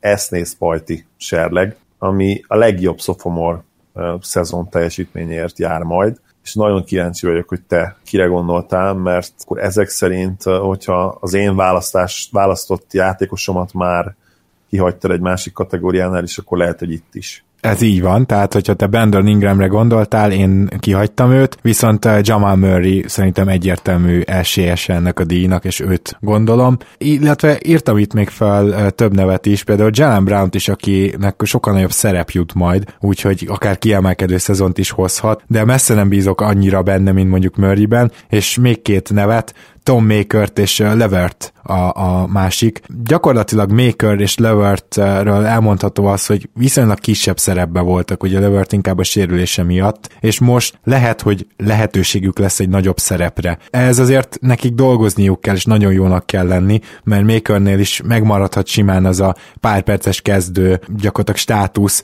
ami valójában azt jelenti, hogy minél kevesebbet legyen a, a legjobban védekező csapatok ellen fönt Greg Monroe. Levertnél pedig ugye az a probléma, hogy hát Lin és D'Angelo Russell mellett nem biztos, hogy könnyű dolga lesz, hogy eleget töltsön a pályán, de azért őket így megemlítettem, és mondom, Jalen Brown ennél egy nagyobb jelölt, de Jamal Murray az egyértelmű jelöltem a legjobb sophomore szezonra. Akkor nem felejtetted el Murray-t mindkét kategórián, mert nálam is ő nyerte ezt a kategóriát is. Azt gondolom, hogy ez, ez még egyértelműbb, mint, mint az előző kategória. Most már nem is tudom, melyiknél választottam ki, ahol mondtad, hogy te őt elfelejtetted. Igen, az a ruki, aki, aki megcsillogtatja azt, hogy szupersztár lehet belőle, vagy nem ruki, hanem ugye fiatal játékos. Mondom, én attól féltem ott igazából, hogy, hogy túl jó lesz ez a díjhoz már, tehát én ennyire, ennyire jó sophomore szezont várok tőle. Igen, egyébként, hogyha megnézzük a, a úgymond a száraz a, statjait, amiről beszéltünk elég hosszan az előző stat adásban, akkor Murray újonc szezonja egyébként nem volt annyira kiemelkedő, viszont tényleg olyan akár másodperces felvillanásai voltak, amiből lehet arra következtetni, hogy benne nagyon sok motoszkál, és akkor lehet, hogy itt már kicsit magunk alatt ássuk a gödröt, mert ha már ugye megláttuk ez benne tavaly, akkor, akkor lehet, hogy nem is kellett volna, hogy kvalifikáljon a másik kategóriába, de ezért mégis uh, szerintem jó választás oda is, mert uh, most még semmiképpen nem mondhatjuk el azt róla, hogy, hogy ő sztár lenne vagy akár azt, hogy jelen pillanatban impact játékos lenne. A másik választásom nekem Brogdon volt, Malcolm Brogdon, akiben benne lehet az, hogy mint spot-up shooter erősen előle, előre lépjen, úgyhogy én, én a Bugsból rágondoltam, nem pedig Makerre. Hogyha Giannis még inkább a kezébe veszi az irányítást, és, és Brogdon tényleg játszhat akár ilyen de facto dobó hátvédként is, de legalábbis spot-up szerepben nagyon sokat, akkor szerintem ő képes lett arra, hogy, hogy ilyen 16-17 pontot is átlagoljon, és akár adott esetben ővé legyen legjobb sophomore szezon. Tegyük azt hozzá gyorsan, hogy és tudom, hogy ez rád is igaz, és azért is vettük ki azt hiszem ebből a listából, hogyha Embiid egészséges lesz végig, ami hát uh, lehet, hogy... Uh, igen, kicsit utopisztikusnak tűnik igen, időnként, igen. Gondolat, akkor egyértelmű, hogy ő vinné ezt a díjat. Sajnos nem várjuk el tőle ezt, illetve hogyha egészséges lesz, akkor annyira egyértelmű, hogy gyakorlatilag őt nem is, nem is jelölhettük, mert magasan kiemelkedik egyébként a, a mostani szofomor játékosok közül, és hát nyilván azért ismertő, ugye nem igazi szofomor, azért csak névlegesen. Igen, igen, ez nagyon érdekes, hogy akkor ő most szofomornak számít mert tavaly volt a ruki szezonja, három éve lett volna ruki. Én, én azért hagytam ki, mert egyszerűen nem tudom, hogy kvalifikál-e. Ha igen, akkor abszolút egyetértek veled. Na hát akkor gyakorlatilag menjünk egy kicsit tovább. A következő díjunk az nagyon szép névre hallgat. A Chandler Parsons annyira szar vagyok, hogy két negatív díjat is rólam neveztek el az adásban elismerés. Az NBA történelmi történelmének legrosszabb kezdője, vagy legalább a szezon legrosszabb kezdőjátékosa. Na most ugye itt igazából Parsons és a, azt megelőző évben pedig Moody tehát ez a két játékos versengett a, a díjnak a nevéért, de végül Parsons-t választottuk, mert ő a frissebb. Ebben a kategóriában olyan kezdőket keresünk, aki tényleg a, az NBA történelmi mélységeit fogja előhozni, mert hogy láttunk mostanában ilyeneket. Hogyha kiosztásra kerül ez a díj, akkor én szerintem hasonlóan gondolkozunk. Egyrészt Chris Parsons sokkal biztatóbban mozog. Nem létezik az, hogy a 23-24 milliós, vagy nem is tudom, ilyesmi, tehát max szerződését megszolgálja már idén a Memphisben, de láttam azért a preseasonben, hogy ez most egy teljesen másik játékos, úgyhogy szerintem őszintén lehet benne bízni, hogy a róla elnevezett első díjat, mert ugye lesz egy másik is, azt most nem ő kapja, éppen ezért nem őt írtam föl. Van egy győztesem, de előtte gyorsan vegyük végig, hogy kik lehetnek még esélyesek. A Chicagónak a kezdő irányítója. Legyen az Grant, vagy Dan, aki most ugye megsérült, hát ott azért az elég erős jelölés, tehát hogy bármelyikük is irányít majd. Ugyanígy a Suns kezdő négyese is szerintem nagy, nagy esélyekkel gondolhat erre a szezonra, ha csak nem Josh Jackson lesz, mert most már próbálgatták azt is a Sunsnál, de szerintem se Chris, se Bender nem fog tudni igazán jó szezont hozni, és lehet, hogy akár nagyon szar szezon is kijön még ebből, alapból a Suns sem lesz túl jó, és a Memphisnél van még ilyen szabad pozícióban, ugye a, a, akár Parsons lehetne megint, de ott a kettes pozíció is, hogyha nagyon nem jön össze Selden vagy McLemore, valószínűleg ők kezdenek, és Tyre Kivans a padról jön, akkor ők is esélyesek lehetnek, de mind a Sunsnál, mind a Memphisnél ezt fenntartásokkal fogadnám, főleg a Memphisnél szerintem ők nagyon jól össze fogják rakni, akár McLemore-ral, akár Seldennel a kezdőt, nem lesz más dolguk, mint védekezni és triplát dobni, és nem biztos, hogy ebben olyan rosszak. Hát én Seldennek kifejezett rajongója vagyok, nagyon szeretném, hogy benn maradjon az NBA-ben. Szóval talán a legnagyobb jelöltek az elhangzottak közül a Chicago egyes posztja, de azért van itt még valaki más, ez pedig Austin Rivers, aki nagyon úgy tűnik, hogy kezdeni fog, és eh, mivel korábban már utaltunk rá, hogy, hogy lehet, hogy egy másik díjnál is említésre kerül, jól gondolom, hogy nálad is ő nyert. Így van, nálam is ő nyert. Egyébként ezen díjjal kapcsolatban az, az jutott eszembe, hogy itt ezt nevezhetük volna akár utólag okos az ember díjnak is, mert hogy minden évben azért vannak olyan játékosok, akik valami úton módon oda kerülnek a kezdőkbe, úgyhogy egyébként semmi közük nem kellene, hogy legyen hozzá. Tavalyi évből nagyon sok nevet lehetett volna mondani, például ugye Isaiah Whitehead-et, vagy, vagy akár Luke Bebittet, nem, Bebitet én megvédeném egyébként, tehát hogy ő elég jó kis spot-up shooter volt ott a Miami-ban, jól bedobálta a triplákat, arra tartották. Az tény, hogy mint játékos egyébként szinte semmi máshoz nem ért, és nem, nem azt mondanám, hogy jobb kezdő játékosok között volt a ligában, de, de talán így a leges legutolsó helyeket nem veszélyeztette. Hát azért, ha jól emlékszem, a per statja ilyen ötöshöz közelített, ami azt mondják, hogy az bajos, igen. Szinte, szinte a legalacsonyabb érték, amit gyakorlatilag valaki összehozhat. Igen, nálam egyébként Rivers mellett, akinél az is belejátszott egyébként, hogy én, én őt nagyon nem kedvelem, tehát a személyes ellenszem is mindenképp bele volt ebbe kalkulálva keményen, mert Rivers egyébként nem rossz védő, azt tegyük hozzá, tehát amit ő védekezésben fejlődött, az, az, az azért elég jó. Támadásban szerintem még mindig fogalmatlan, és ahhoz képest ő nagyon sok dobóhelyzetet kapott az elmúlt években, mint amennyire jó egyébként, vagy mondhatnánk azt, hogy mind, mint amennyire nem jó. Igen.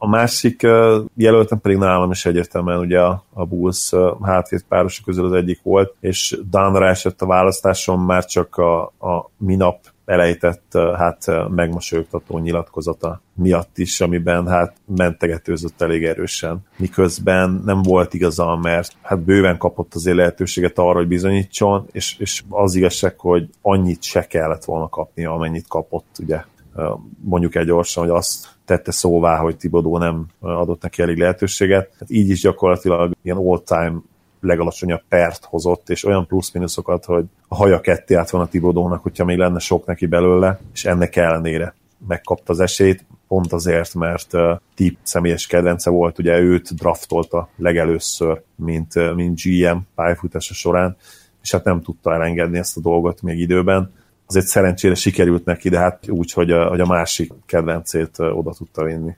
Na igen. Igazából a következő díjnál egy baseball sapkát osztunk ki, ez a Will Borton, ha megbecsültelek volna, talán még együtt lennénk baseball sapka, és ezt a díjat pedig természetesen az a játékos kapja, amelyik csapatot váltott idén, és az egész világ rájön, hogy amúgy ez egy jó játékos. Ugye Will Bortonnál ez elég egyértelmű volt, gyakorlatilag nagyon jónak számított a szerződése attól a perctől, hogy leütötte a labdát Denverben. Lehet, hogy ott megtanulták használni. Nem tudom, minden esetre Portlandbe a pad végéről Denverbe egy olyan játékos került, aki már rögtön az első Denveri szezonjában több, azt hiszem 30 pontos meccsel is bejelentkezett. És idén is ezért van egy-két jelöltünk erre a díjra. Talán kezdte, tehát nálad kinyerte ezt a díjat? Nálam örök kedvencem, Ricky Rubio nyerte ezt a díjat. De most ezzel az a problémám, hogy Rubióról mindenki tudja, hogy jó. Tehát, hogy... Mondanád ezt, ami, de nem igaz. Tehát Rubio az a játékos, itt most lehet, hogy kicsit a sértődöttségem is beszél belőlem, de, de böngészve azért a fórumokat egy egészségtelen óraszámban hetente, azt mondom, hogy, hogy nem. Tehát uh, Rubio típusan az a játékos, itt és egy kicsit nagyképpen fog hangzani, de Riki az a játékos, aki, és ez kicsit nagyképpen fog hangzani, azon szurkolók értékelnek, akik belefetszenek nem kevés órát abba, hogy megértsék a játékot, úgymond a, a casual szurkolók, tehát akik hébe-hóba megnéznek egy-egy meccset, és van egy csapatuk, akik nagyon-nagyon szurkolnak, de lehet, hogy a kezdőjüket se tudnak felsorolni. Az összes ilyen szurkoló gyakorlatilag Rubiot kutyaütőnek tartja, és én most azt várom ettől a szezontól, hogy, hogy végre tényleg mindenki számára, vagy jó, ez nyilván szintén utopisztikus vágy, a legtöbb szurkoló számára egyértelművé váljon, hogy, hogy Riki egy brutálisan jó impact játékos, és, és annak ellenére, hogy egyébként már volt egyszer top 5-ben, egyszer pedig top 8-ban ami az RPM-et illeti az iránytok között. Tényleg azt várom végre, hogy státuszban is oda kerüljön. Az egyébként valóban hát bántóan rossz dobószázaléka ellenére is. Tehát ha ezt a koncepciót ő végleg be tudja tenni az emberek fejébe, hogy ő annak ellenére is nagyon jó játékos, hogy nem jó szkórer, sőt gyakorlatilag pocsék szkórer, akkor szerintem neki sikeres szezonja lesz, és én ezt várom tőle, és ezért gondolom azt, hogy, hogy ő egy jó választás erre. Na, hát nekem is vannak jelölteim. Én nem gondoltam bele abba, hogy ő, ő azért széles körben talán nem annyira elfogadott, hanem tényleg abból indultam ki, hogy ő, ő már most is egy jó játékos. Minden esetre a győztes előtt fel szeretném sorolni a három olyan jelöltemet, akik kvalifikáltak szintén még itt, hogy megemlítsem őket. Az egyik az Olinyik, aki, hát hogy is mondjam, csak még nem kapta meg annak ellenére, hogy nagyon jó játékos barát rendszerbe játszott, még nem kapta meg azt a lehetőséget, hogy egy Whiteside mellett játszhasson, és azt gondolom, hogy Miami-ban egy ilyen jó védő, jó védekező magas mellett ilyen teljesen új dimenziók nyílhatnak, úgyhogy Kelly Olinyik az egyik jelöltem. A másik az a Tim Frazier, aki gyakorlatilag mindig el volt ásva, viszont most minden esélye megvan, hogy bekerüljön az aktív rotációba Washingtonba, ahol a pad hát mondjuk úgy, hogy nincs túl rózsás helyzetben, és hogyha csak nem az lesz, hogy Satoranski és Mix elveszi előle a játék lehetőséget, akkor szerintem Frazier akár nagyot is alakíthat abba a 10-15 percben, amíg pályán van. Ben McLemore ugye óriási jelölt erre a, a díjra, de őt lehet, hogy meg kellett volna említenünk ott is, hogy egy játékos, akiben még reménykezd, de most a következő szezonban már elfelejted. Szóval neki is szintén egy ilyen make or break year jön, tehát hogy vagy elfelejti az NBA, vagy pedig rájön, hogy jó, és én inkább abban bízok, nyilván elfogult vagyok, mert Grizzlies a második kedvenc csapatom, hogy rá fognak jönni az emberek, hogy McLemore bizony azért egy jó játékos, megvannak az atletikus képességei, most már az utolsó fél évben valamilyen csoda folytán végre megmutatta, hogy ő egyébként egy nagyon jó dobó, úgyhogy Memphis meg mindenki megtanul védekezni, szerintem ő is egy nagyon jó jelölt, de aki nálam a díj győztese várhatóan, az Geoffrey Löwen. Mégpedig azért, mert neki szerintem olyan aranyat fog érni az, hogy a Spursbe kerül, ahol ráadásul magas ember hiány van, és Popovics szerintem nagyon sokat hozhat ki belőle, úgyhogy gyakorlatilag nem gondolkoztam azon, hogy ki a legnagyobb jelöltem, és Geoffrey Levelnyre szavazok. Nem rossz választás. Nekem a másik potenciális választásom az Nerlens Noel volt, akitől egy nagyon-nagyon jó szezont várok, annak ellenére is egyébként, hogy ugye nem lesz kezdő. És illetve hivatalosan ugye nem nyáron váltott csapatot, de azért mondjuk, mondjuk, tehát hogy szerintem belefér. Igen, főleg úgy, hogy ugye volt egy kisebb sérülés, és, és amiatt nem is játszotta végig azt az időszakot sem, a, ami, amit a Mavs-nél úgymond eltöltött a szezon második felében. Na most nála is felmerül az, szerintem, mint Rubionál, hogy azért ő, ő már kapásból nagyon jó védőjátékos, tehát ahhoz, hogy, hogy ebbe a kategóriába belessen, talán azt várod esetleg tőle, hogy, hogy támadásban is mutasson életjeleket? Nem feltétlenül, hanem inkább az, hogy ez a, ez a védekező aspektus, ez is széles körben elterjedjen, mert leszámítva azt a három évvel ezelőtti szezon, amikor azt hiszem top 6-ban volt RPM terén, az ugye az újonc éve volt, azért ő sem annyira elismert játékos még. Nyilván, mint, mint minden magas pik, pikről azért róla is beszéltünk, de főleg ez, a, ez az aspektusa, hogy, hogy elengedtünk, és itt a Filinél szerintem ezt még bánhatják egyébként, mert főleg, hogyha egészséges tud maradni, lehetséges, hogy, hogy két-három év múlva Noel ott lesz a liga legjobb védői között. Meglátjuk. Azt gondolom, hogy ha valahol, akkor a mezben ezt mindenképpen összehozhatja, mert tudjuk azt, hogy Dörk, hát szerintem maximum most már ilyen 23-24 percet fog játszani az alapszakaszban meccsenként, esetleg 25-öt, vagy legalábbis ez lenne az ideális, és hát Messi van még ugye centerben, de ő inkább ilyen, ilyen energy játékos, akit ilyen 15 percet nem, nem nagyon lehet játszatni. És Jeff Vitti, aki gondolom, hogy szintén nem nagyon fog pálya parketre kerülni. Én se gondolom, bár egyébként ő is uh, mutatott uh, dolgokat már az NBA-ben. Noát mindenképpen játszatni kell, és uh, hogyha ő tényleg tudja hozni azt a dupla-duplát, ami, amit uh, egyébként elvárunk tőle, hogyha megkapja ezt a 30 percet, akkor szerintem státusza jelentősen emelkedhetnek is, és főleg, hogyha egyébként a Mavericksből jó védőcsapatot tud csinálni, vagy akár közepeset, mert mi is hát futottak, még kategóriába tartoztunk nagyon erősen tavaly, azt hiszem, hogy 20 27-ek voltunk talán, ott voltunk mi is a már uh, emlegetett uh, Wolves környéken a 26.-27. helyen. Hát kíváncsi leszek, akkor ez kicsit máshogy értelmeztük, azt mondanám ezt a kategóriát. A következő viszont egyértelműbb lesz, ez a Chandler Parsons, annyira használhatatlan vagyok, hogy Zoli és Gábor meg sem próbáltak point kitalálni erre a díjra, hűtőmágnes, de ebből is az a fajta, amelyik már kezdi végleg megadni magát, és állandóan leesik, majd amikor lehajolsz érte, még a derekad is kimegy. A magyarán az NBA legrosszabb szerződése, és itt már a névadó gazda bizony nálam nagyon erősen ott volt versenyben, a tavalyi év legrosszabb szerződése is talán ő volt, ha csak nem Joachim Noah, aki szintén versenyben volt, de csak azért is mondtam egy, egy új nevet, mert szerintem nagyon nem fog bejönni, bocsi Nix Druckerek, ez a Tim Hardaway kísérletezés, aztán ne legyen igazam, esküszöm annak drukkolok, de Tim Hardaway Jr. lehet a legrosszabb szerződés szerintem. Ugye Noah, mintha életjelket mutatna, legalábbis nagyon dicsérték itt a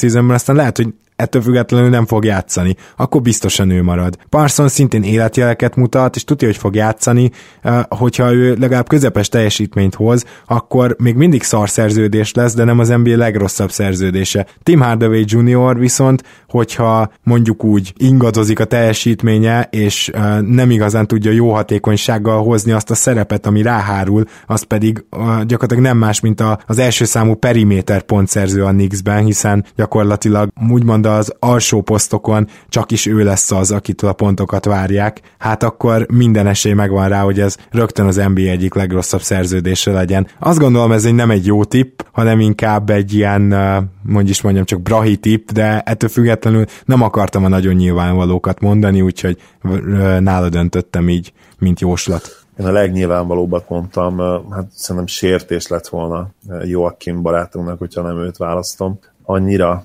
torony magasan ővé ez a díj jelenleg szerintem, hogy tényleg ez a disrespectful választás lett volna, hogyha nem Noát pécizem ki magamnak. De egyébként Hardaway is jó tip lehet, bár én tőle azért egy ilyen határszar teljesítményt azért várok. Neki nagyon-nagyon rosszul kellene ahhoz játszania, hogy, hogy ez a liga legjobb szerző, legrosszabb szerződése, ahhoz meg nagyon-nagyon jó, hogy a legjobb, sőt, az lehetetlen így gyakorlatilag ennyi pénzért, a Freudi elszólásra kitérve. Az igazság, hogy azért nem gondolom, hogy, hogy ővé lesz a legrosszabb szerződés, mert, mert amit ő csinál, azért az egy ilyen kicsit kockázatmentes játék, tehát nyilván tőle nem fogják elvárni azt, hogy, hogy, hogy komolyan szervezzen, képi fogja a támadások nagy részét befejezni, és ugye rajta keresztül fog futni a támadás ami egyébként szintén hát érdekes lehet. Nyilván az egyik kedvenc játékosomat nem volt azért szívem rárakni egyik listára se, de ott is lehet benne egy olyan szezon, ami, ami nem feltétlenül uh, lesz annyira jó, mint, ami, mint hogy elvárnánk, vagy, vagy sokan elvárnák. De, de a legrosszabb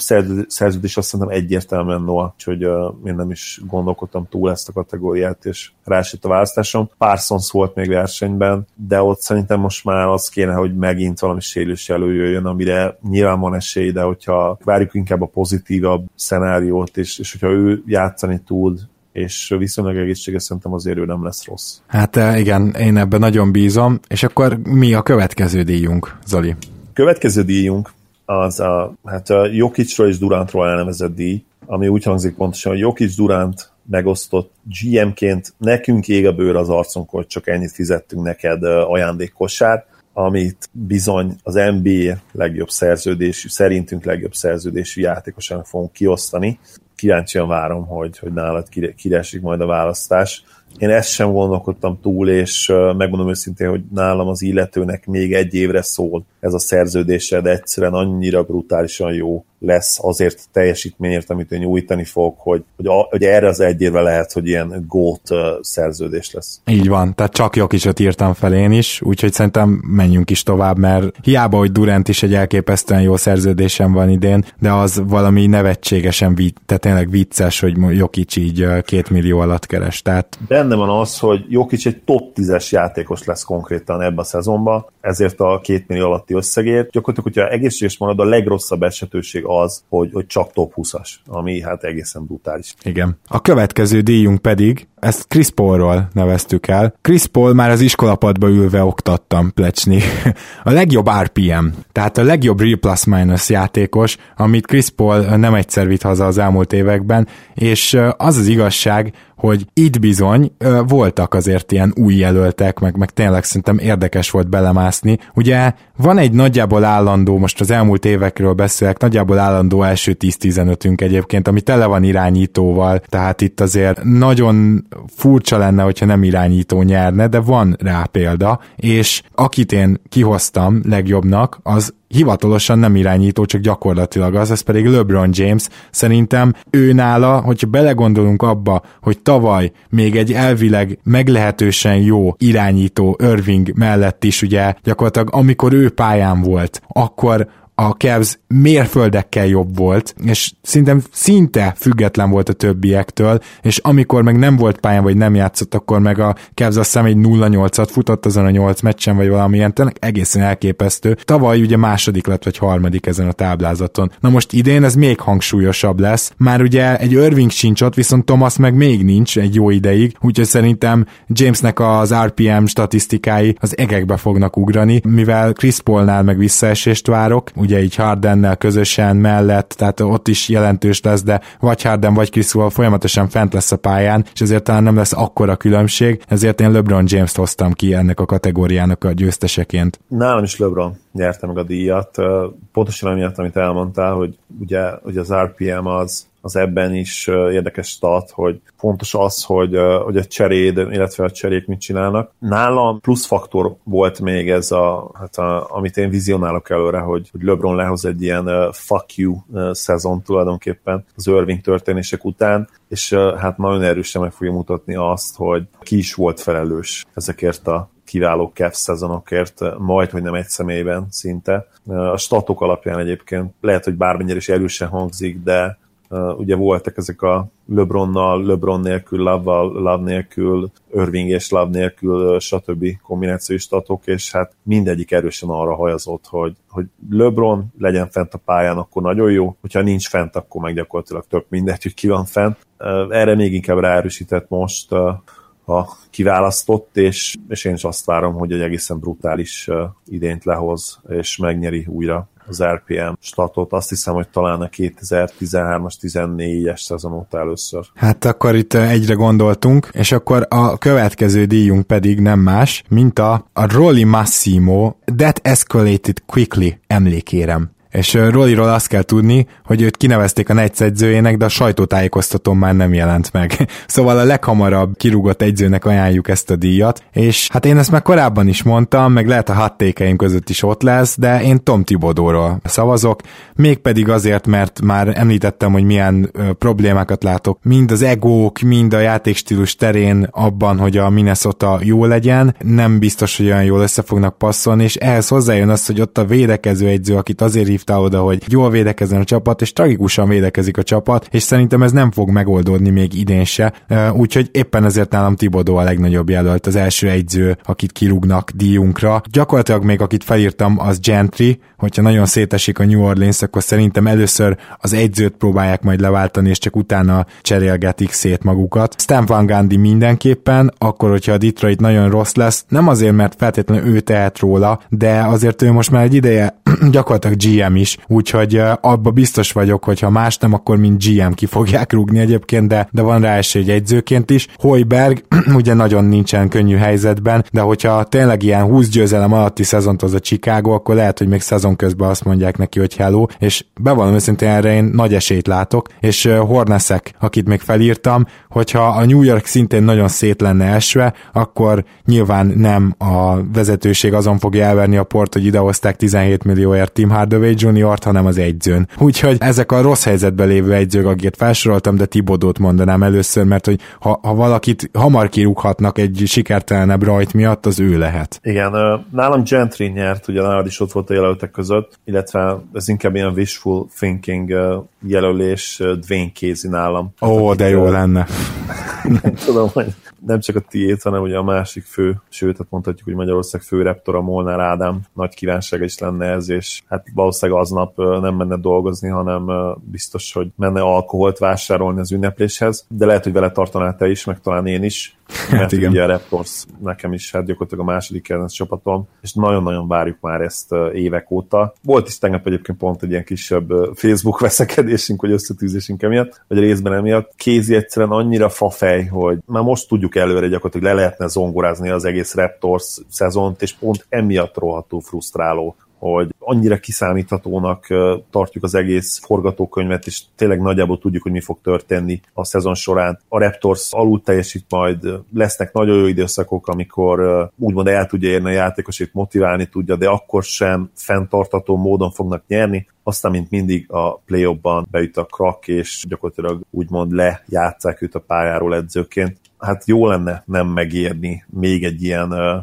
playoff párharcot, és hát nagyon remélem, hogy ha már a Raptors mondjuk a szezon elején úgymond zátonyra futna, és bejönne az egyik ilyen rosszabb széria, ami minden évben benne van egyébként a szezonjukban, hát ha akkor végre Uzsirinak megjönne az esze, és kirúgná őt. Hát igen, wishful thinking. Következő díjunkat akkor kérlek konferált fel. A következő díjunk az a Darko Milicic, amikor már az elejétől annyira rossz neked az NBA, hogy egy 30 éves korod után elkezdett kickbox karrier, vagy egy almáskert építése is jó ötletnek tűnik majd később, újoncoknak járó melszobor. Azon rukiknak uh, szeretnénk majd uh, odaadni ezt, akik hát finoman szóval sem váltják be hozzájuk fűzött reményeket, uh, és kíváncsi várom, hogy akkor szerinted ki az, aki már most, ha nem is basznak lesz tekinthető, de legalábbis megindul ezen a rögös úton. Először is, mivel van egy ilyen 9-10-11 olyan játékos, aki az első 9-10-11 helyen kelt el, aki egyáltalán kvalifikálhatna ide, és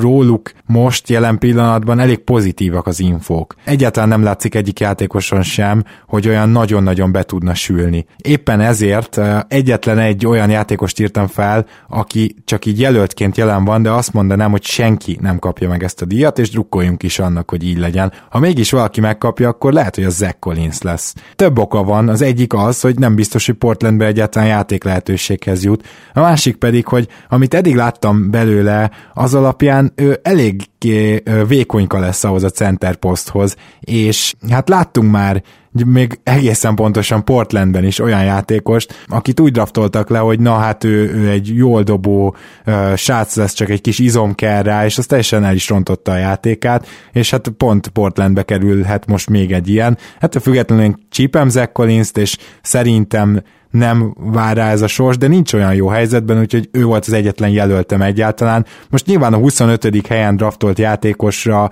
nem tudod igazán azt mondani, hogy baszt, úgyhogy, úgyhogy nekem Zach a legjobb jelöltem, de azt várom, hogy senki nem viszi el ezt a díjunkat idén. Számomra is az lenne a, úgymond a tuti végkimenete, hogy, hogy senki nem vitte el ezt a díjat ha mégis kell mondani valakit, és már pedig ugye kellett, is le is írtam a nevét, nálam De'Aaron Fox volt ez a játékos. Annyira nincsen szegénynek jumpere, hogy nehéz elképzelni, hogy ebből valaha minőségi három pontos lesz, és számomra egy picit az atletikussága is kérdőjeles abban a szempontból, hogy nem igazán robbanékony, és kicsit olyan, olyan szétesett mozgású játékosnak tűnik. Ha, ha valaki szerintem basz lehet az első 10-12 játékos közül, akit említettünk, akkor az ő. Nyilván korábbi években, vagy akár egy korábbi érában például Markanen nagyon jó választás lehetett volna, de ezzel a triplával, ezzel a magassággal a legrosszabb, legrosszabb esetben is egy kiváló stretch for lesz a, a Space and Pace stílussal. És hát Lonzo jutott még eszembe, de ott is inkább az a faktor van kicsit bennem, hogy ha, ha Bass lenne, akkor mondjuk Lavor, Lavor miatt rögnék rajta, de, de ott se látok én se komoly esélyt arra, mert legrosszabb esetben is egy ilyen Rubio-nál kicsivel rosszabb, de azért még hatékony használható játékos lesz belőle. Fulcnál se gondolnám azt, hogy lenne rá bármennyire is gyengé játszik eddig a preseasonban, ez ugye nem feltétlenül mérvadó. Az utolsó játékos díjunk következik, tedd meg, hogy ezt is te konferálod be. Rendben, ez a wow, nem gondoltam volna rólad, hogy ennyire jó vagy uh, díj, amit annak ellenére is én uh, konferáltam be, hogy rólam gondolják általában.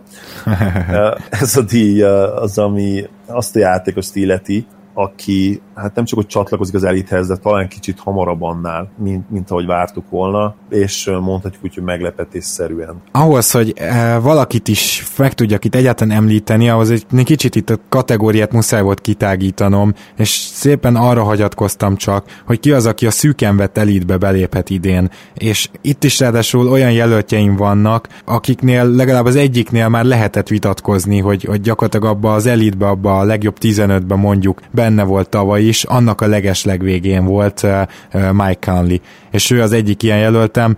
A tavainál is jobb évet várok tőle, All-Star jelölést várok tőle, ami hát nem lesz könnyű, lássuk be, és hogyha ezek megvalósulnak, akkor ő bekerülhet azokba, abba a 15 játékosba, akiről teljesen egyértelműen kijelenthetjük, hogy franchise player. Na most ő azért nem fiatal, úgyhogy rá nem mondhatjuk azt, hogy, hogy ilyen hirtelen feltűnik, de, de nem is tökéletes jelölt, azt gondolom. Tehát nagyjából ilyen jelölt lenne például Nikola Jokic is, aki mi már ugye elmondtuk, hogy azért a legjobb 15 játékos között jelenleg ott van, talán ez még nem mindenkinek egyértelmű, és ő is beléphet. Éppen ezért, hogyha győztest kellene mondanom, egy olyan játékos mondanék, aki viszont egyértelműen nincs azért még ott a legjobb 15 játékos között, de egy jó idényt kihozhatja ez belőle, ez pedig Rudy Gobert. Éppen ezért nálam ő a nyertes. Nagyon jó választás Gobert, nálam is ott volt a, a szűkített listámon.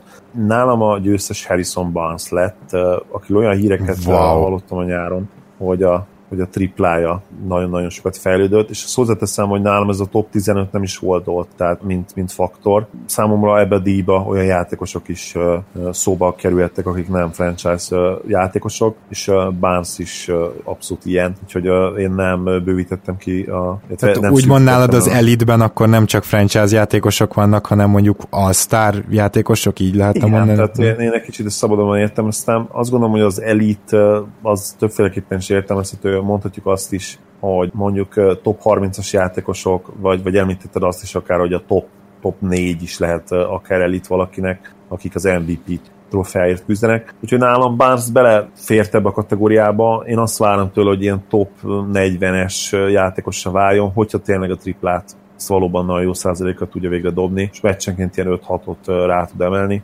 akkor akár az All-Star kiválasztás is beleférne, mert egyébként, amit ami a csupasz statokat illeti tavaly, azért ő elképesztően jó volt, tehát szinte senki nem várta tőle ezt, már akkor is kijelentetjük. Nagyon nagy meglepetésként tartották számon az ő teljesítményét, ami egyébként az advanced statok alapján talán egy picit még túlértékelt is vált, ahogy így halott a szezon, de azért azt mindenképpen szerintem bebizonyította, hogy, hogy benne még lehetnek olyan fokozatok, amikről nem gondoltuk volna, hogy, hogy ott vannak, és pont ezért szerintem, hogyha szó szerint veszük ezt a díj elnevezést, akkor, akkor ő egy nagyon jó választás lehet. Akkor nézzük meg a csapatdíjakat, de mindezek előtt szeretnénk egy pár szót mondani a stars.hu-ról. És most arra szeretnék fókuszálni, hogy a támogatónkkal kapcsolatban milyen visszajelzések érkeztek tőletek, mert például az egyik az volt, hogy valaki írta nekünk, hogy hát minden nap szoktak kattintgatni egy kicsit a stars.hu-nak a honlapját, csak miattunk. Én ezt nagyon szépen köszönöm, és tényleg erre bátorítanak titeket, hogy akár hogyha jó párszor megnézitek azt a honlapot, vagy párszor, akkor azzal bizony minket is támogattok, és nyilvánvalóan fantasztikus akciókat és tök jó dolgokat tudtok nézni. De van egy másik dolog is, csak mondanám, hogy aki esetleg mondjuk PC-n vagy laptopon hallgat minket, az szerintem nyugodtan vezesse be, hogyha szeretne ezzel minket támogatni, hogy mondjuk az első pár percben a stars.hu-t is nézegeti, amíg mi szépen köszöngetünk meg ilyenek. Viszont egy másik történet, ez is nagyon érdekes volt, hogy valaki írta nekünk, hogy hát ő most vásárolt a stars.hu-n, és egy terméket keresett, és ezt megtalálta ugyanannyiért egy másik helyen, de hát úgy döntött, hogy akkor már minket támogat, és a stars.hu-n vásárol, és azt mondta, hogy hát lehet, hogy egy-két ezressel drágábban is ott vásárolt volna. Először is nagyon szépen köszönjük, nagyon megható. Másodszor, másodszor az, hogy mondjuk nem tudom, nem a legjobb árértékarány nektek, vagy ilyesmi, ilyet mi abszolút nem várunk el, tehát legjobb belátásatok szerint, ami tényleg ott van, ott tetszik, esetleg ott a, a legjobban akciós, vagy bármi is a ti gyakorlatilag követelményrendszeretek, vagy kritériumrendszeretek, az alapján vásároljatok, de a harmadik, hogy amiért nagyon-nagyon örültem mégis annak, hogy ezt írta az illető, az az, hogy, és én nekem ez már a rengeteg rimbiózis szövegemből is ismerős lehet, aki hallgatja ezen a téren is a, a műveimet, szóval, hogy ez egy tudatos fogyasztási módszer volt, amit itt most elénk tárult, mert hogy az egy tudatos fogyasztó, aki valami alapján dönt egy termék mellett, esetleg mondjuk az ár az egyik nagyon fontos, az árértékarány, de esetleg azt is nézheted ugye a hétköznapokban, hogy mondjuk gyerekrabszolgákat dolgoztatnak-e, vagy nem, vagy környezet kímélő anyagokat használnak-e fel, vagy nem. Rengeteg ilyen dolgot lehet nézni. Tudom, hogy kinek van erre ideje, de én ezt például nagyon fontosnak tartom, és a saját életemben is megpróbálom minél jobban ezt alkalmazni, és nekem ezért is nagyon jól esett, hogy ő azt mondta, hogy ő igenis szeretne minket támogatni, úgyhogy neki ezért volt fontos, hogy ott vásároljon. Hogyha valaki még így van ezzel, bármelyik hallgatónk, akkor én azt gondolom, hogy ez egy tudatos döntés és egy tudatos fogyasztói hozzáállás, úgyhogy ezért is mindenképpen dicséretet érdemel legalábbis tőlem.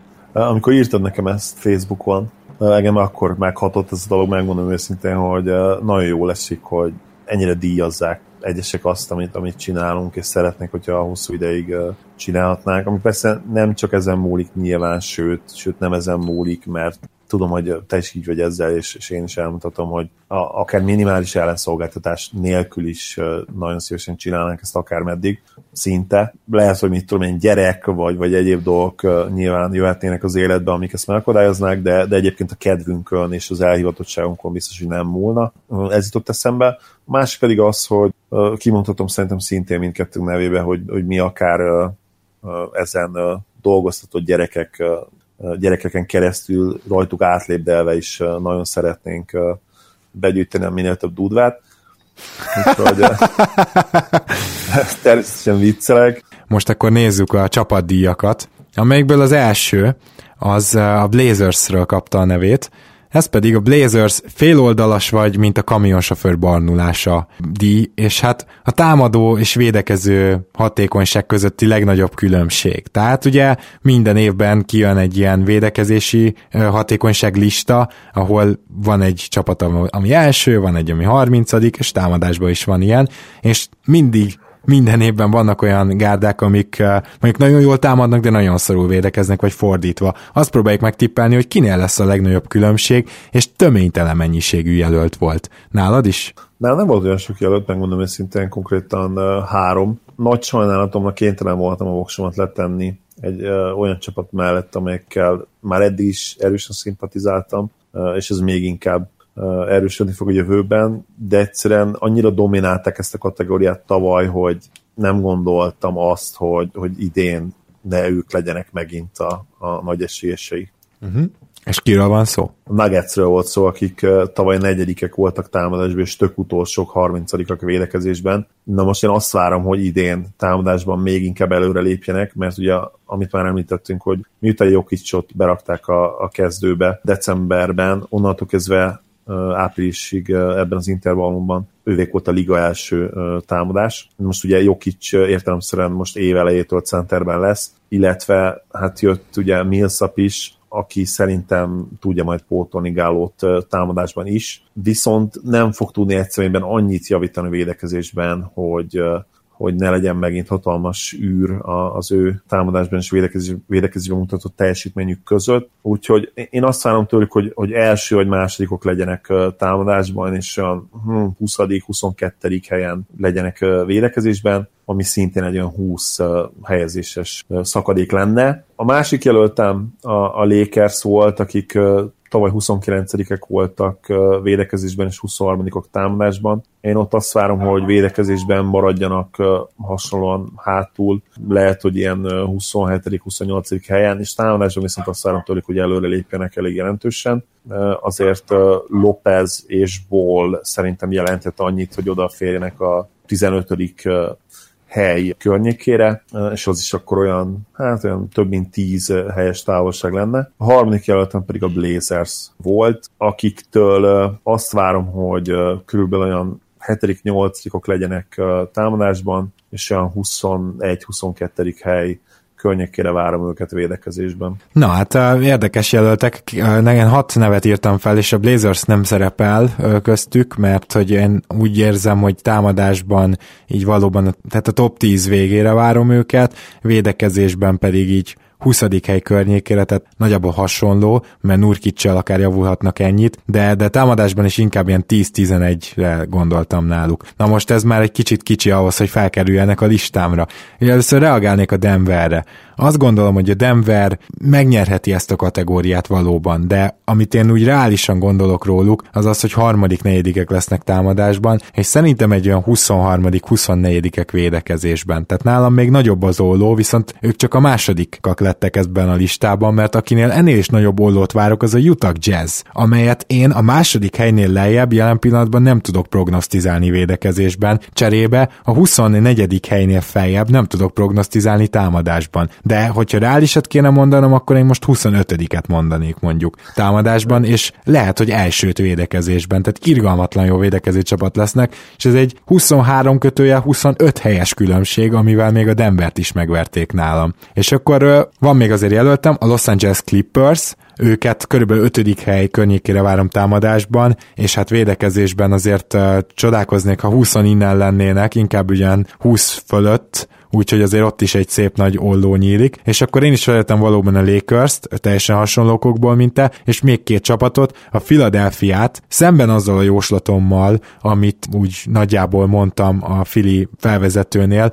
lassan egyre jobban hiszek abba, hogy a Fili jó támadó csapat lesz, és egyre kevésbé hiszek abba, hogy a Fili jó védekező csapat lesz. Ennek megfelelően támadásban még az se lepne meg, ha évvégére top 10-be kerülnének, védekezésbe viszont most már lassan nagyon meglepne a középmezőnybe, és az az Atlanta Hawks a másik, amelyik én szerintem egyértelműen a középmezőnybe lesz majd védekezésben. Mondom, én a 15. helyre már tettem egy fogadást, kicsit azért hát vacogok ezzel kapcsolatban, de lényegtelen, gyakorlatilag meglepne azért, ha nagyon rosszak lennének, viszont egyértelműen szerintem liga utolsók lesznek támadásba, tehát a 30. helyet már most odaadnám nekik. Úgyhogy ez a három csapat volt ilyen zárójeles, a Lakers, Philly, Atlanta, és a Utah Denver Clippers az a hármas, amelyik a legnagyobb eséllyel pályázik nálam. A clippers én is gondolkodtam, viszont a Utah egyáltalán nem jutott eszembe, és amikor mondtad, egyből a fejemhez kaptam, mert ők tényleg az egyik legjobb tippek ebből, ebből a szempontból. Mondjuk kinézem Rubioból, hogy akár egy személybe csinál egy ilyen top 18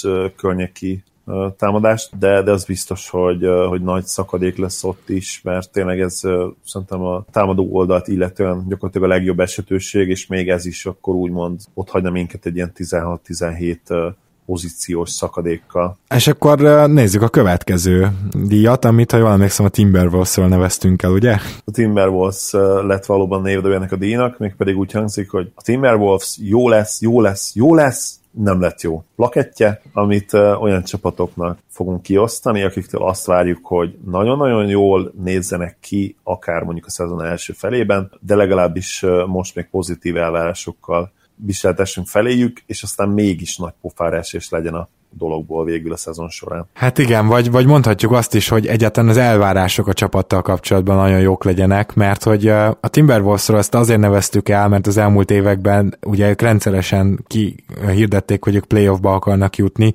és hihetetlen, hogy hányszor pofára estek, még ugye a New York lenne ilyen jelölt keletről, de az az igazság, hogy a Timberwolves idén is megnyerheti ezt, csak nem az én vagy te elvárásaid alapján, hanem a közelvárás alapján szakértőknek a nagyon nagy része az ötödik helyre várja őket nyugaton, miközben én nekem jelen pillanatban meggyőződésem, hogy nem jutnak be a rájátszásba, úgyhogy bevallom őszintén, hogy nálam ezt a díjat a névadó csapat hazaviszi, és úgy gondolom, hogy ha a Timberwolves nem jut rájátszásba, az igenis lesz akkor a pofára esés.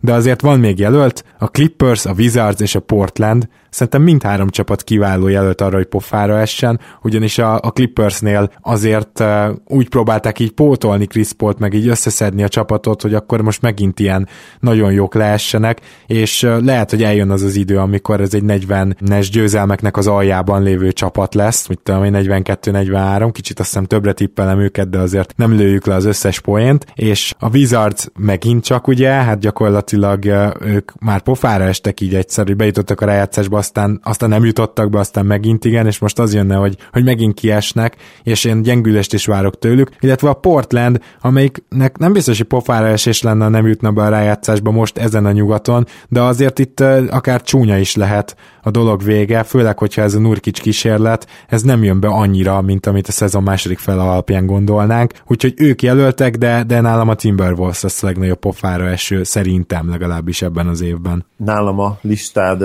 második helyzetje, ha jól értettem, a Wizards nyert. Én tőlük vagy fogalmazunk úgy, hogy belőlük nézem azt ki, hogy tényleg pofáres is legyen belőle. Mindig, nem azért, mert nincs meg a keretük, meg, meg nem azért, mert volt, nem tartom zseniális játékosnak, vagy akár Bilt elképesztő tehetségnek, és ezt ugye tudjátok talán már, hogy Portert is nagyon kedvelem, és sokat várok tőle. A probléma az, hogy a Wizards az egyetlen olyan csapat talán az NBA-ben, ahol konzisztensen rossz a csapat morál, és pont emiatt gondolom azt, hogy, hogy náluk egy rossz kezdés például olyannyira megingathatná az egész keretet, hogy akár még egy újjáépítés, vagy legalábbis egy retool vol köré, még az is benne lenne. Lesz egy olyan kategóriánk, én oda mondjuk nem őket mondtam, de szerintem ott lehetnének az esélyesek között ennek kapcsán is. A másik két tippen pedig két nagyon-nagyon brahis tipp volt, ami lehet, hogy kicsit maraságnak is hangzik, de az egyik a Spurs, a másik pedig az OKC. Szeretném hangsúlyozni, hogy mind a kettőtől azt várom, hogy nagyon jót teljesítsen. A potenciál azért ott van abban a pofába, pofára esésben, ezt el kell, hogy ismerjem. Igen, tehát ha már, pofá, ha már igazán nagy pofára esés Spurs-ről beszélünk, akkor nyilván egy olyan csapatot kell keresnünk, amelyik hát rendszeresen jó, és nagyon sokat is várunk tőlük, és ugye a Spurs meg az OKC is ilyen.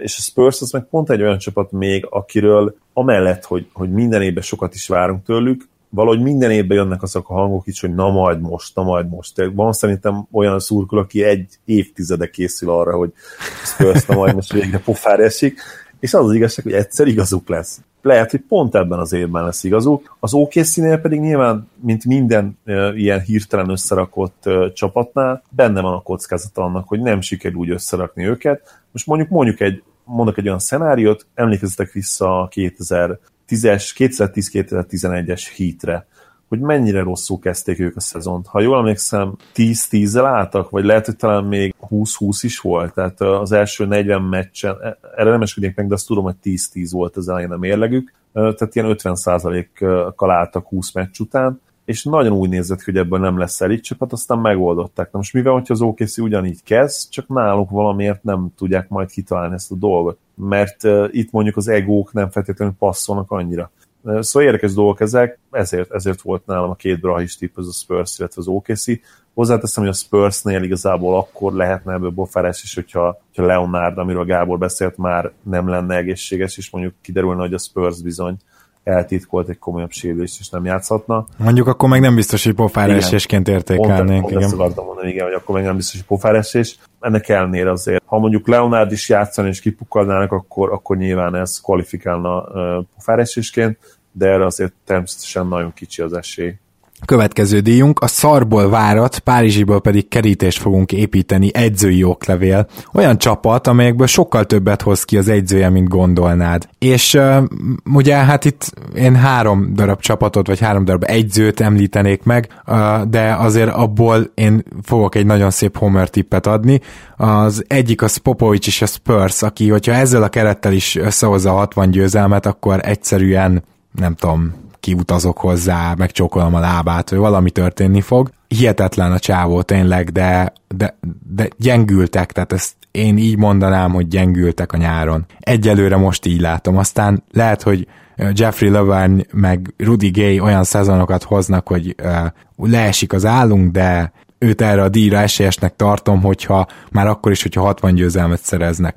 A másik Steve Clifford, aki viszont már sokkal esélyesebb nálam. Azt hiszem, hogy ebből a Charlotte-ból idén ő valami nagyon jó dolgot kihozhat. Végre nincs olyan problémája, hogy nincs egy értelmes bevetető magas ember, hanem rögtön van kettő is, vagy Kaminskivel már kettő és fél.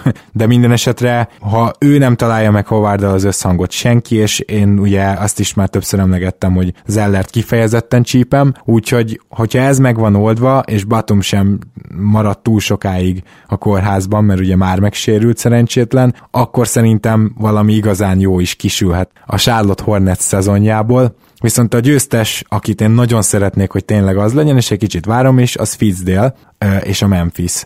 Mégpedig azért, mert én nekem nagyon-nagyon tetszik, hogy Fizdale szép lassan átalakítja ezt a csapatot, és úgy, hogy a legnagyobb értékeit megőrzi, és komolyan elgondolkoztam azon, tehát hallgatva a sok-sok szakértőt, többen értettek velem egyet azzal, hogy a 37 fél, amit Las Vegas adott a Memphisnek, az azért alacsony, de még így is mondtak páran undert, és páran ilyen overt, hogy hát éppen, hogy fölötte lesznek, de gyakorlatilag senki nem várja őket playoffba. Hát eh, nem tudom, valószínűleg ezzel egyedül vagyok, eh, vagyunk, mert hogy te is is, ugye Zoli. Akárhogy nézem, hogyha Fitzdale ezt a csapatot idén mondjuk egy 45-46 győzelemmel beviszi a playoffba, akkor az ki el fogja uh, nyerni ezt a díjat, mert gyakorlatilag 40 győzelem fölé nem nagyon várják ezt a Grizzlies-t. Mindenki megemlíti, hogy hát azért pára lehet több, de valahogy így ez a közvélkedés, hogy hát itt Randolph és Carter és Tony ellen távozása, hogy ez mekkora érvágás lesz. Abszolút nem értek egyet, már ugye kedves hallgatók, unjátok is, hogy hányszor kifejtettem, de lényeg a lényeg, hogy az azért a közvélkedést is megnézve,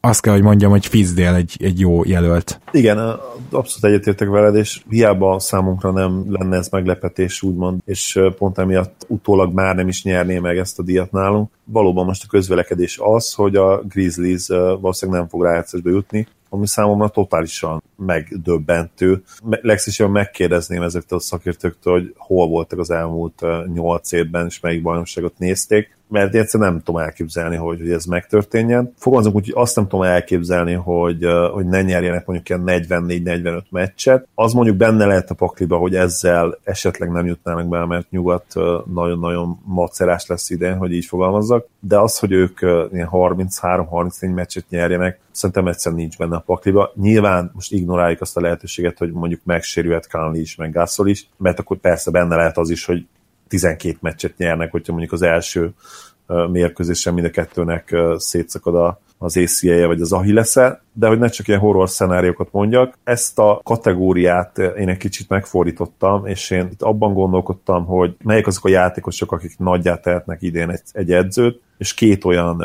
magas emberre esett a választás, és akkor én most ténylegesen játékosokat fogom megemlíteni, akikben benne lehet az, hogy, hogy egy nagyon-nagyon nagy szintet ugranak, ez pedig ugye Krista Porzingis és Miles Turner. Mind a két csapattól azt várjuk, hogy hát ilyen 30 győzelem környékén maximum teljesítsen. Bár Ezt én már többször ugye... elmondtam, igen, hogy a Pacersnél jóval magasabbat várok. Igen, és egyébként nálam is rajta lesznek még egy kategóriába, de valljuk be, hogy, hogy maga a keret az, az bizony nem erős. Viszont van náluk két, egy-egy olyan egészen hihetetlen tehetség, akik ha ténylegesen megérkeznek úgymond az NBA-be, és elkezdenek max potenciáljuk szerint teljesíteni, akkor egymaguk akár ilyen 50% környékére vihetik a csapatot. Ami persze meglepő lenne, de azt gondolom, hogy nem lehetetlen.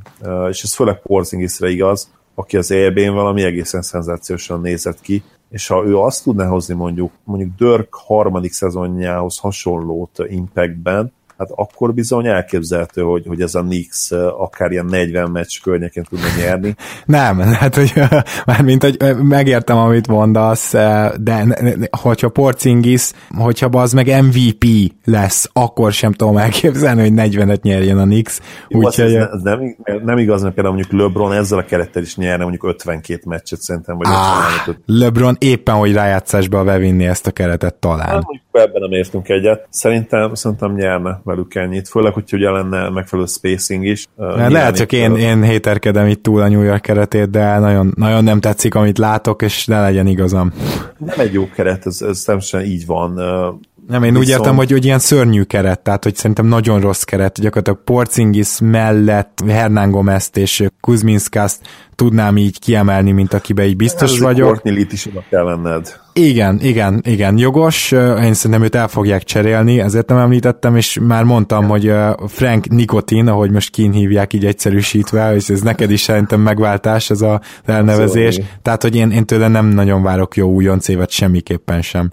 Én igen, mondjuk lehet, hogy akkor itt is, itt van a kutyállásra, és itt, itt leledzik a véleménykülönbség oka. Egyébként pont megtanultam végre kimondani, ugye, hogy a T a néma, tehát Nilikina. Ez az, Zolikám, gratulálok. Köszönöm. Fanfárok hangozzanak el azonnal, utólag alákeverjük majd. Na de mi meg szerintem lépjünk akkor egy díjjal tovább. De nem. Uh, mégpedig a Phoenix Sunsról elnevezett túl jók vagyunk ahhoz, hogy jók legyünk bronz kupa. Az a csapat, amelyik fölül teljesít, hogy aztán ne jusson playoffba. Nem tudom, hogy lesz-e ilyen csapat, mert ugye nyugaton gyakorlatilag ilyen jelölt, az maximum a Sacramento lehet, hogyha valami nagyon-nagyon versenyben vannak a végéig a playoffért, és esetleg a Dallas, de a Dallasról meg már talán nem lenne olyan, hát nem tudom, fölül teljesítés. Valószínűleg az lenne, tehát Dallas nem rossz jelölt, de azért itt elsősorban keletre néztem, vigyázó szememet keletre vetettem, és ott pedig megtaláltam az Indiana Pacers-t, amelyik nekem meggyőződésem, hogy, és hát a, a majd a tipjeimet is megismeritek, akkor ott látni fogjátok, hogy hogy a Pacers az nálam a kilencedik helyre fog befutni keleten, ami hát annyira Pacers-es, hogy ezt el se lehet mondani. Annyira rossz ez a kilencedik hely, hogy csak ennyit mondta a kilencedik hely, és, és ezen röhögtem, tehát semmi poén nem volt, hogy a kilencedik hely az egy csapat számára annyira szar, hogy azon csak rögni lehet. Hát igen. Én, én hozzáteszem, hogy mivel azt várom, na mindegy, ezt se lövöm le, de van egy csapat, amelyik igazából kicsit jobb, mint a Pacers, csak lehet, hogy fel fogják robbantani. Épp ezért ezt a kilencediket tulajdonképpen reálisnak is érzem. Úgyhogy akárhonnan nézem, ez a csapat lehet, hogy fölül teljesít, és aztán nem jut be a playoffba, viszont lesz egy top 10 kívüli draftja ismét. Úgyhogy nem tudom, nálad volt más jelölt egyáltalán, vagy nálad is simán nyerte az Indi? Nem, nem, hogy másik csapat nyerte simán, de ebben már kicsit benne van az ilyen szurkolói identitásom is, de valóban a Pacers egyébként ott volt a szűk listámon. Viszont nálam ez olyannyira Mavericksnek áll, hogy szerintem már elkezdték felvésni az M betűt erre a vára, mert ha van túlbuzgó csapat a ligában, amelyik mindig nyerni akar független attól, hogy mennyire van erre reális esély, az, az tényleg a Mavericks. Tehát ha mondjuk te követted volna tavaly minden meccsünket, akkor láthattad volna azt, hogy, hogy ezek a szerencsétlenek, ezek tényleg mindig megpróbáltak nyerni, de minden meccsen, leszámítva az utolsó 5-6-ot, amikor, ami előtt is egyébként olyan bicska nyitogató nyilatkozatok voltak, amikor Dörk azt mondja, hogy oké, okay, a playoff elúszott, de most már akkor minek kezdjünk el veszíteni? Az, az megoldás bármire? És akkor üvöltettem a képernyő felé, hogy igen, drága kedvencem, akit most nagyon utálok ebbe a pillanatban, kurvára megoldás lesz, bocsánat. Mert... Hát igen, és pont Dörk az, akit simán kiültethettek volna, és ha jól emlékszem, erre az utolsó 5-6-ra ki is ültették. Igen, tehát, mondjuk egyébként így is azt hiszem az utolsó meccset pont megnyertük, amivel egyébként megel, a Nix megelőzött minket, és volt egy ideig bennem az, hogy, hogy én nagyon Franket Nilikinát szerettem volna ledraftolni, és sikerült kétszer kimondanom a nevét juniorban. Hú! Így van. De, de azóta a Smith Junior mellett is megbékéltem, és most már ott vagyok, hogy hát mind a, kett, mind a kettőjüktől ilyen totális dominanciát várok, úgyhogy nem, nem, nem szavar annyira dolog. De, de abszolút ez Mavericks-es avard, úgymond szerintem, és tényleg a, mi vagyunk az egyik fő várományosai ennek. Azt nem tudom, hogy tudunk-e 40 meccset nyerni, ami lehet, hogy kellene egy ilyen díj uh, elviteléhez, megnyeréséhez, de, de hogy mindent meg fogunk érte tenni, teljesen feleslegesen, az biztos.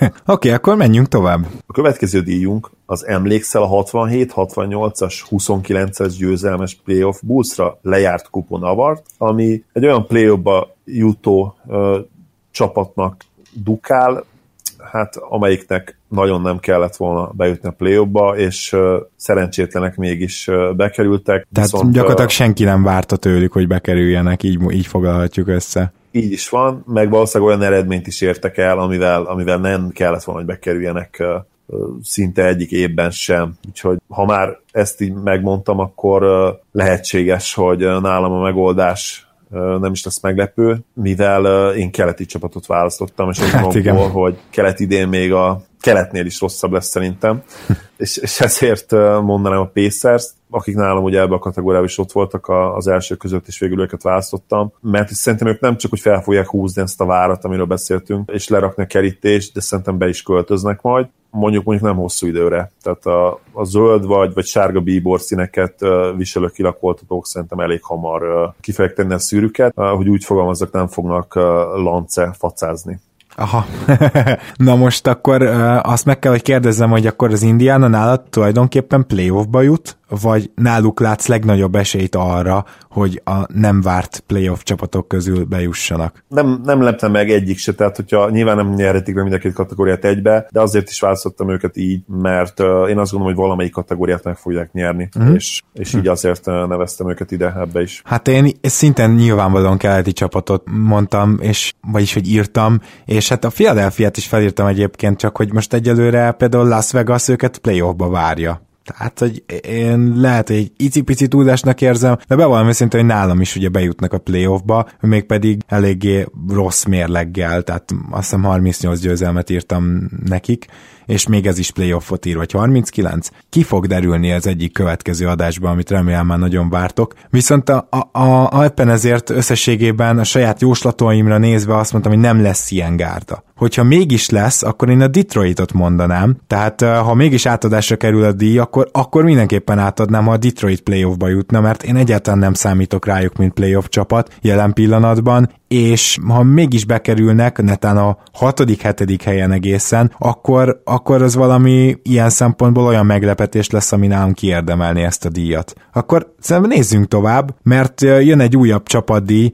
ez pedig a Bledsoe seglenyomatát tartalmazó tornapad, vagyis a legpofátlanabbul tankoló csapatdíja. Hát itt aztán volt egy pár jelölt, talán aki klasszikusan kiesett nálam az a Chicago, mert egyszerűen olyan gyengék, hogy ez nem pofátlan tankolás lesz, nem lesz itt kiültetés, meg ilyenek, hanem ha akarnának, se tudnának szerintem nagyon jók lenni, aztán max majd rám cáfolnak. Éppen ezért a három legpofátlanabbul tankoló csapat szerintem idén a Knicks, az Atlanta és a Phoenix lesz, és tavaly is a Bledsoe dologból szerintem kitaláltátok, hogy a Sunsnak adtuk volna ezt, és én idén is a Sunsot választottam e közül a három közül. Az Atlantához annyi kicsi magyarázat, hogy a Budenholzer ugyan sose tankol, de Budenholzernek most már ezt a teljes hatalmát, ezt ugye ki, tehát kivették a kezéből, most már ő ott csak egyző, és szerintem a az új vezetőség, félig új vezetőség inkább így mondanám, mindent el fog követni, hogyha Iasovának csak nem tudom, szemtengely ferdülése van, és szemüvegre van szüksége, már akkor is izé ki fogják ültetni három hónapra, tehát hogy ö, szerintem az Atlantánál el fognak ilyeneket követni. A Nix nem hiszem, hogy magyarázatra szorul, mert ők mindig elkezdenek azért tankolgatni, mikor rájönnek, hogy ebből nem lesz playoff, tehát ez most sem lesz másként. Porcingisnek is szerintem, hogy legkisebb sérülésnél is el tudom képzelni, hogy nagyon óvatos óvatosak lesznek vele, fogadjunk, fogalmazzunk így, de a Suns, a Sunsnak minden adott, hogy nyugaton minél több vereséget összeszedjen, és szerintem ők nem fognak gondolkozni Chandlert, akár Dudley-t, akár Bledsoe-t szó nélkül ki- kiültetik, akár magyarázat nélkül is, úgyhogy szerintem idén is ők lesznek a legpofátlanabb tankoló csapat. A Suns egyébként nem említsük meg, mert ők azért az utóbbi években elég ilyen, ilyen low-key, hinki tervet követnek, és ahhoz képest azért nem kapják meg azt az ekézést, amit lehet, hogy megérdemelnének. Én is azt gondolom, hogy, hogy ebben a szezonban is teljesen egyértelműen megpróbálkoznak majd azzal, hogy még egy nagyon jó puzzle darabkát megszerezzenek a kirakósba, ami egyértelmű egyértelműen nincs még készen, úgyhogy nálam is ők nyertek. Már csak azért is, mert az elmúlt egy-két évben rajtuk éreztem azt még, hogy egyértelműen tankolni akarnak. Már a Sixers sem feltétlenül ezt csinálta, legalábbis a 2016-17-es szezonban semmiképp, amikor Embiid elkezdett játszani végre. Ami a Knicks-et illeti, szintén kiválasztottam őket ide is, mert ugye ha, vagy akár ha képi tudja hozni azt a teljesítményt, amiről beszéltem az, el, az előző díjnál, akkor is lehet, hogy őt kiültetik majd időnként. És még hogyha ő csinálja is a dolgát, Noát szerintem mindenképpen jegelni fogják, ismerő az egészséget lehet, hogy szó szerint is, és nem lepne meg egyébként, hogyha a képire még a szokottnál is jobban vigyáznának. Hát igen, de ha már emlegetted Hinkit, akkor a következő díjat szerintem gyorsan konferáljuk is be. Mindenképp ez a Hinki díj, avagy a megpróbáltuk, most próbáljuk még egy kicsit kevésbé, hogy kevesebb megpróbáltatás sérjen minket, kitüntetés, és ez azon csapatot fogja megilletni majd, akit szétkapnak, mint Foxel áttörlőt a szezon közben. Gyakorlatilag... Nagyon kíváncsi vagyok, hogy te mely, mely csapatra gondolsz. Hát itt Én két jelölt van gyakorlatilag, nem? Tehát, hogy van egy nyugati és egy keleti csapat, aki, akit szétkaphatnak akár. Igen, nálam is az egyik nyugati csapat, de valami azt hogy nem feltétlenül az, amelyikre te gondolsz. Aha, hát én uh, nyugaton a Memphis-t felírtam, ugye, hogyha nagyon félre menne ez a szezon, akkor benne van, hogy esetleg uh, Gazolt és Kanlit elcserélik. Én mondom, nem ezt várom, de ugye jelöltek, de hát a, akiről meg kifejezetten várjuk, igazából ezt már számtalanszor hangoztattuk, az a Detroit, és gondolom, hogy nálad is ők a győztesek, várható győztesek. Igen, a, a Fangandi féle Detroit, amelyikről tényleg én most már lassan két-három év azt várom, hogy robbantsák fel, gyakorlatilag szinte majd, hogy nem azóta, mióta Stan oda ment, vagy, vagy max egy szezonnal utána. Valahogy róluk tényleg mindig az az érzésem, hogy egy abszolút ilyen, ilyen funkció nélküli csapat, ahol, ahol senki se találja hogy igazán a helyét, senki se boldog, és hogy próbálkoznak, próbálkoznak, de, de annyira reménytelen ez a helyzet, és ami, ami nagyon nagy hiba az, hogy Drummond köré próbálnak építkezni, amiből szerintem egyszerűen nem lehet uh, soha stabil playoff csapat, hogyha ő, ő a legjobb, vagy az egyik legjobb játékosod, és azt gondolom, hogy ez lehet az a szezon, amikor erre végre rájönnek, és, és elengedik ezt a dolgot. A következő csapatdíjunk pedig a keleten-nyugaton mondtam, hogy a kosárlabda evolúciója nem áll meg díj. A, a csapat amelyik egy olyan játékkal áll elő, amire senki nem számított. Tehát olyasmire gondoljatok, mint ahogy a GSV megjelent körrel, vagy mondjuk a Bostonban, amit Stevens most itt nem azt mondom, hogy rögtön az első évében akkor is voltak jelek, de mostanra tényleg létrehozott. És hogyha lesz ilyen csapat, akkor egy picit szerintem bele kell játszani, hogy az a csapat az esetleg nem rég esett át valamilyen változáson. Éppen ezért hogy, hogyha tényleg ilyen szemkidűlesztő, tényleg meglepő dolgot keresek, akkor igazából két jelöltem van, a New Orleans Pelicans és az OKC Thunder, és én a New Orleans Pelicans mellé tettem ezt a, a díjat, mert azt gondolom, hogy két ilyen domináns magassal egyszerre játszani, ez valami tényleg új lesz, újnak kell lennie, és hogyha ez bejön, és legalább mondjuk rájátszásba jutnak, akkor erről meg is fogunk emlékezni, úgyhogy a keleten-nyugaton díjat, azt lehet, hogy a Pelicans viheti majd haza, mert ők tényleg valami újat is mutathatnak ezzel a szinte sosem látott domináns magas ember párosítással. Te nálad kire esett a, a, a jóslat, a választás? Mielőtt elmondom az én győztesemet, azért erre reagálnék, mert muszáj. Az első reakcióm az volt, hogy hirtelen fel akartam hogy üvölteni, meg így nem láttál, de közben én nyújtózkodtam is, hogy hello, hello, azért mi van az iker tornyokkal, Duncan és Robinsonnal, de az az igazság, hogy bár ez nyilván még a mostaninál is dominánsabb kettős volt, az annyira régen volt már, és annyira más volt az az, az éra, hogy hogy jelen pillanatban ezzel tényleg újra feltalálnak gyakorlatilag a kereket, mert a kerék, ami akkor létezett, az már ma nem létezik, vagy ha létezik, akkor azt gondoljuk róla, hogy azzal autó nem megy sehova el. Hát pontosan, hanem, tehát itt ennek valamilyen felújított változata kell, mert nem arról van szó, tehát hogy attól még, hogy ikertornyok voltak, ugye Duncan és Robinson, attól még ők egy olyan játékban voltak, ahol rengeteg ikertorony volt, csak ők voltak a legjobbak. Tehát attól, hogy ők dominánsak voltak a játék, az nem volt nagyon különböző ettől. Viszont most két olyan magas ember van New Orleansban, akik támadásban mind a ketten tudnak szinte mindent. Triplát dobni, labdát vezetni, lepattanózni, támadó pattanózni, közelről, távolról, mindenhonnan dobnak. Ez valami egészen új lehet szerintem. Igen, ez abszolút így van és tény, hogy az, amit említettél, hogy ennyire sok oldalak támadásban is tényleg inside-outside tud játszani mind a kettő, ez olyan taktikai repertoárt ad Gentry kezébe, hát amiről nem vagyunk biztosak abban, hogy egyrészt megvan neki a fejében, és tudja majd kiaknázni ezeket a lehetőségeket, másrészt, másrészt viszont, hogyha sikerül neki, akkor hát ugye nem fogják kirúgni őt először, az is teljesen egyértelmű, illetve valóban mutatott egy új dolgot a jelenlegi kosárlabdában. Ez egy nagyon nagy lehetőség neki is, kíváncsian várjuk, hogy tud-e vele élni.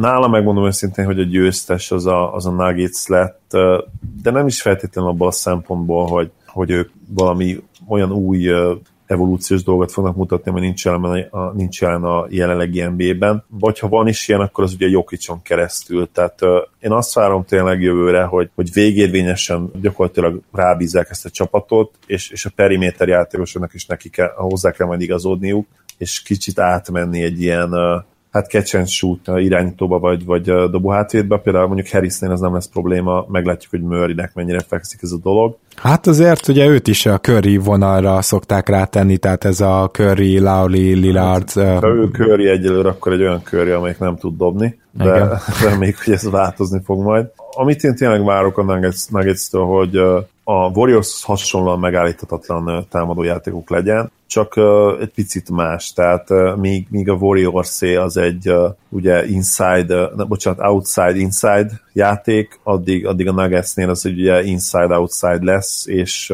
főleg a, a, a festékből fog majd indulni, ahol Jok is megkapja a labdát, és tulajdonképpen ő dönti el majd szinte minden támadáson, hogy mi történjen.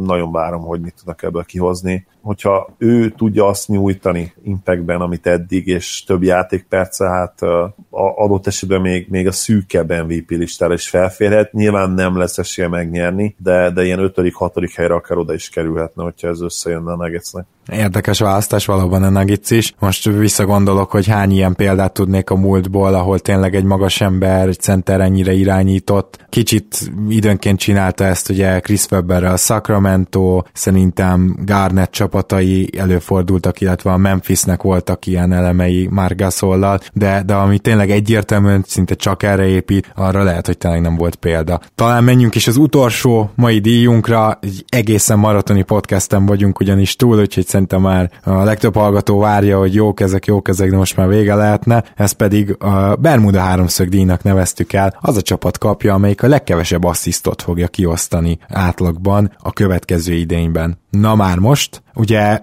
ez a Raptorsnak az egyik házi díja, de most Dwayne Casey kitalálta, hogy Houston akar lenni a Raptors, és ez sokkal több asszisztot is fog eredményezni. Ilyen 30 meg 40 fölötti tripla kísérletekkel operálunk egyelőre a preseasonben. Sajnos nem a Houston, nem a tavalyi Houston, hanem a tavalyi Nets jut eddig a Raptorsról eszembe, mert a százalékok nem olyanok, mint a Houstonnál, de ki tudja, lehet, hogy még jobb lesz, hát egyelőre nem vagyok bizakodó. Minden esetre ezért azt gondolom, hogy a Raptors kikerül ebből a körből, és uh, tulajdonképpen három olyan csapat van, amelyiknél komolyan elgondolkoztam, hogy meg megnyerheti ezt. Az egyik a Brooklyn Nets, amelyik én azt gondolom, hogy most, hogy oda kerül D'Angelo Russell, most sokkal kevésbé fogja tudni ezt a mindenki kötelezőszerűen dobja rá a hármast, amikor egy kicsit is üresen van játékot játszani, és D'Angelo Russell egy személyben leronthatja az amúgy sem olyan magas asszisztátlagukat, úgyhogy ők mindenképpen esélyesek. A második jelöltem az a Dallas Mavericks, amelyik szintén nem tartozik a túl sok asszisztot kiosztó gárdák közé, de nem is úgy látom, hogy mondjuk Dennis Smith Jr.-ral ez változni fog, sőt, úgyhogy eh, szerintem ide nagyon jó jelöltek, de akik eh, ennek ellenére győztesek lesznek, az szerintem a Phoenix Suns, ahol gyakorlatilag Bledsoe képes valamilyen olyan játékra szervezésre, hogy, hogy passzoljon is a végén, és gólpasszok szülessenek. Ugye Booker viszont nem, és hát itt eh, nagyon Booker köré építkezik a Suns, egyelőre úgy tűnik. Hiába, hogy Josh Jackson már szerintem az első évében is meglepően jól fog passzolni, mondjuk a hármas poszthoz képest. Még a magasak között is igazából Bender az, aki hivatalosan jól passzol, de hát se nem játszik eleget, se nem játszik elég jó jól, úgyhogy ez nem fog kijönni. Van, van baj, tehát Chris, Chris-től örökölni lehet a labdát, vagy hát ő nem az a, ember, aki asszisztokat fog osztogatni, Len sem az, Chandler sem az, úgyhogy, úgyhogy szerintem a Suns a legnagyobb jelölt. A Mavs és a Netset azért még meg kellett említeni. Nálam is a Suns és a, és a Mavs a két jelölt, ugye említsük meg, hogy a tavaly a Suns a második legkevesebb, a Mavs pedig a negyedik legkevesebb asszisztot osztotta ki. Azért mondanám én mégis a Mavs szemet, mert már, a már tavaly is nagyon-nagyon ájzókra épülő támadójáték szerintem még inkább ebbe az irányba fog elmenni idén. Talán Noel ad egy kis pluszt az Áliup áliupok terén, és ő lehet egy olyan célpont, aki most már ugye egy teljes szezonra majd bevetető lesz. Egyébként gyakorlatilag minden a játékosunk azt a stílust képviseli, még egyébként Dörk is, ki sokat fejlődött passzjáték terén, de, de ahogy, ahogy idősödik, azért most már inkább egyre inkább az a szerepe, hogy amikor ő olyan helyzetbe kerül, hogy ő felteheti, akkor ő fel is teszi a, a tempót, vagy rádobja a félövét. Úgyhogy nálam Mavericks ott lehet tényleg az első-második helyen, és én meg kicsit így vizionálom azt is, hogy fogjuk, hogy fogjuk ennek a kupának is a fülét, de, de lehet, hogy Cuban már el is vitte a mosdóba. Annyira, annyira izó játékot várok ettől a csapattól. Na hát akkor ezzel a mondattal le is zárul a mai podcastünk, ami egészen fantasztikus hosszúságúra sikerült. 991 lesz a szám, amit beírhattok, hogyha végighallgattátok, és nagyon szépen köszönjük, hogyha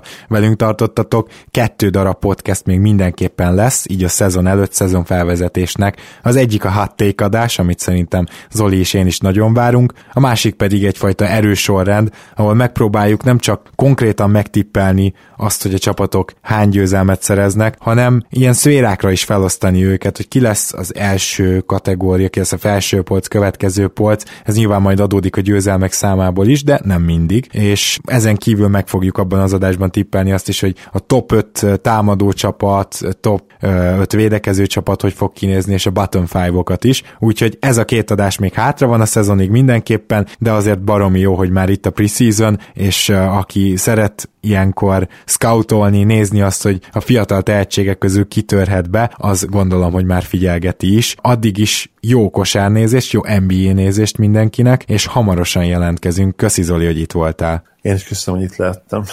és uh, még annyi gyors szünet elköszönök, hogy lesz majd uh, nyereményjátékunk is, és a, ha nem is a tip adásban, de, de utána fogjuk majd elmondani a, a játékszabályokat, illetve hogy mit kell tennetek ahhoz, hogy nyerhessetek. És most még nem mondom el, legyen meglepetés, hogy mi lesz a nyeremény, de, de egészen jó nyereményre számíthattok, ami, ami ténylegesen értékes lesz. Na hát akkor szerintem ezzel a lendülettel már zárjuk le. Köszi szépen, hogy itt voltatok velünk. Sziasztok! Köszönjük a figyelmeteket, sziasztok! Ha más podcastekre is kíváncsi vagy, hallgassd meg a Béton műsor ajánlóját. El tudod képzelni, hogy a podcastet, amit éppen most hallgattál, fél év múlva már a mesterséges intelligencia generálja? Mi sem. De ha érdekel, eljötte már a gépek lázadása. Hallgass bele az Embertelen podcastbe. Orsós Lajos vagyok, a műsor házigazdája. Egyelőre még élőben. Egyelőre. Fedezzük fel együtt, hogyan ismerkedik, randizik, mesél és vitatkozik Betty és Péter, két teljesen mesterséges intelligencia. Lajos, a podcast címét mond még egyszer, Léci. Oké. Okay. Embertelen podcast. Ez a műsor a Béton közösség tagja.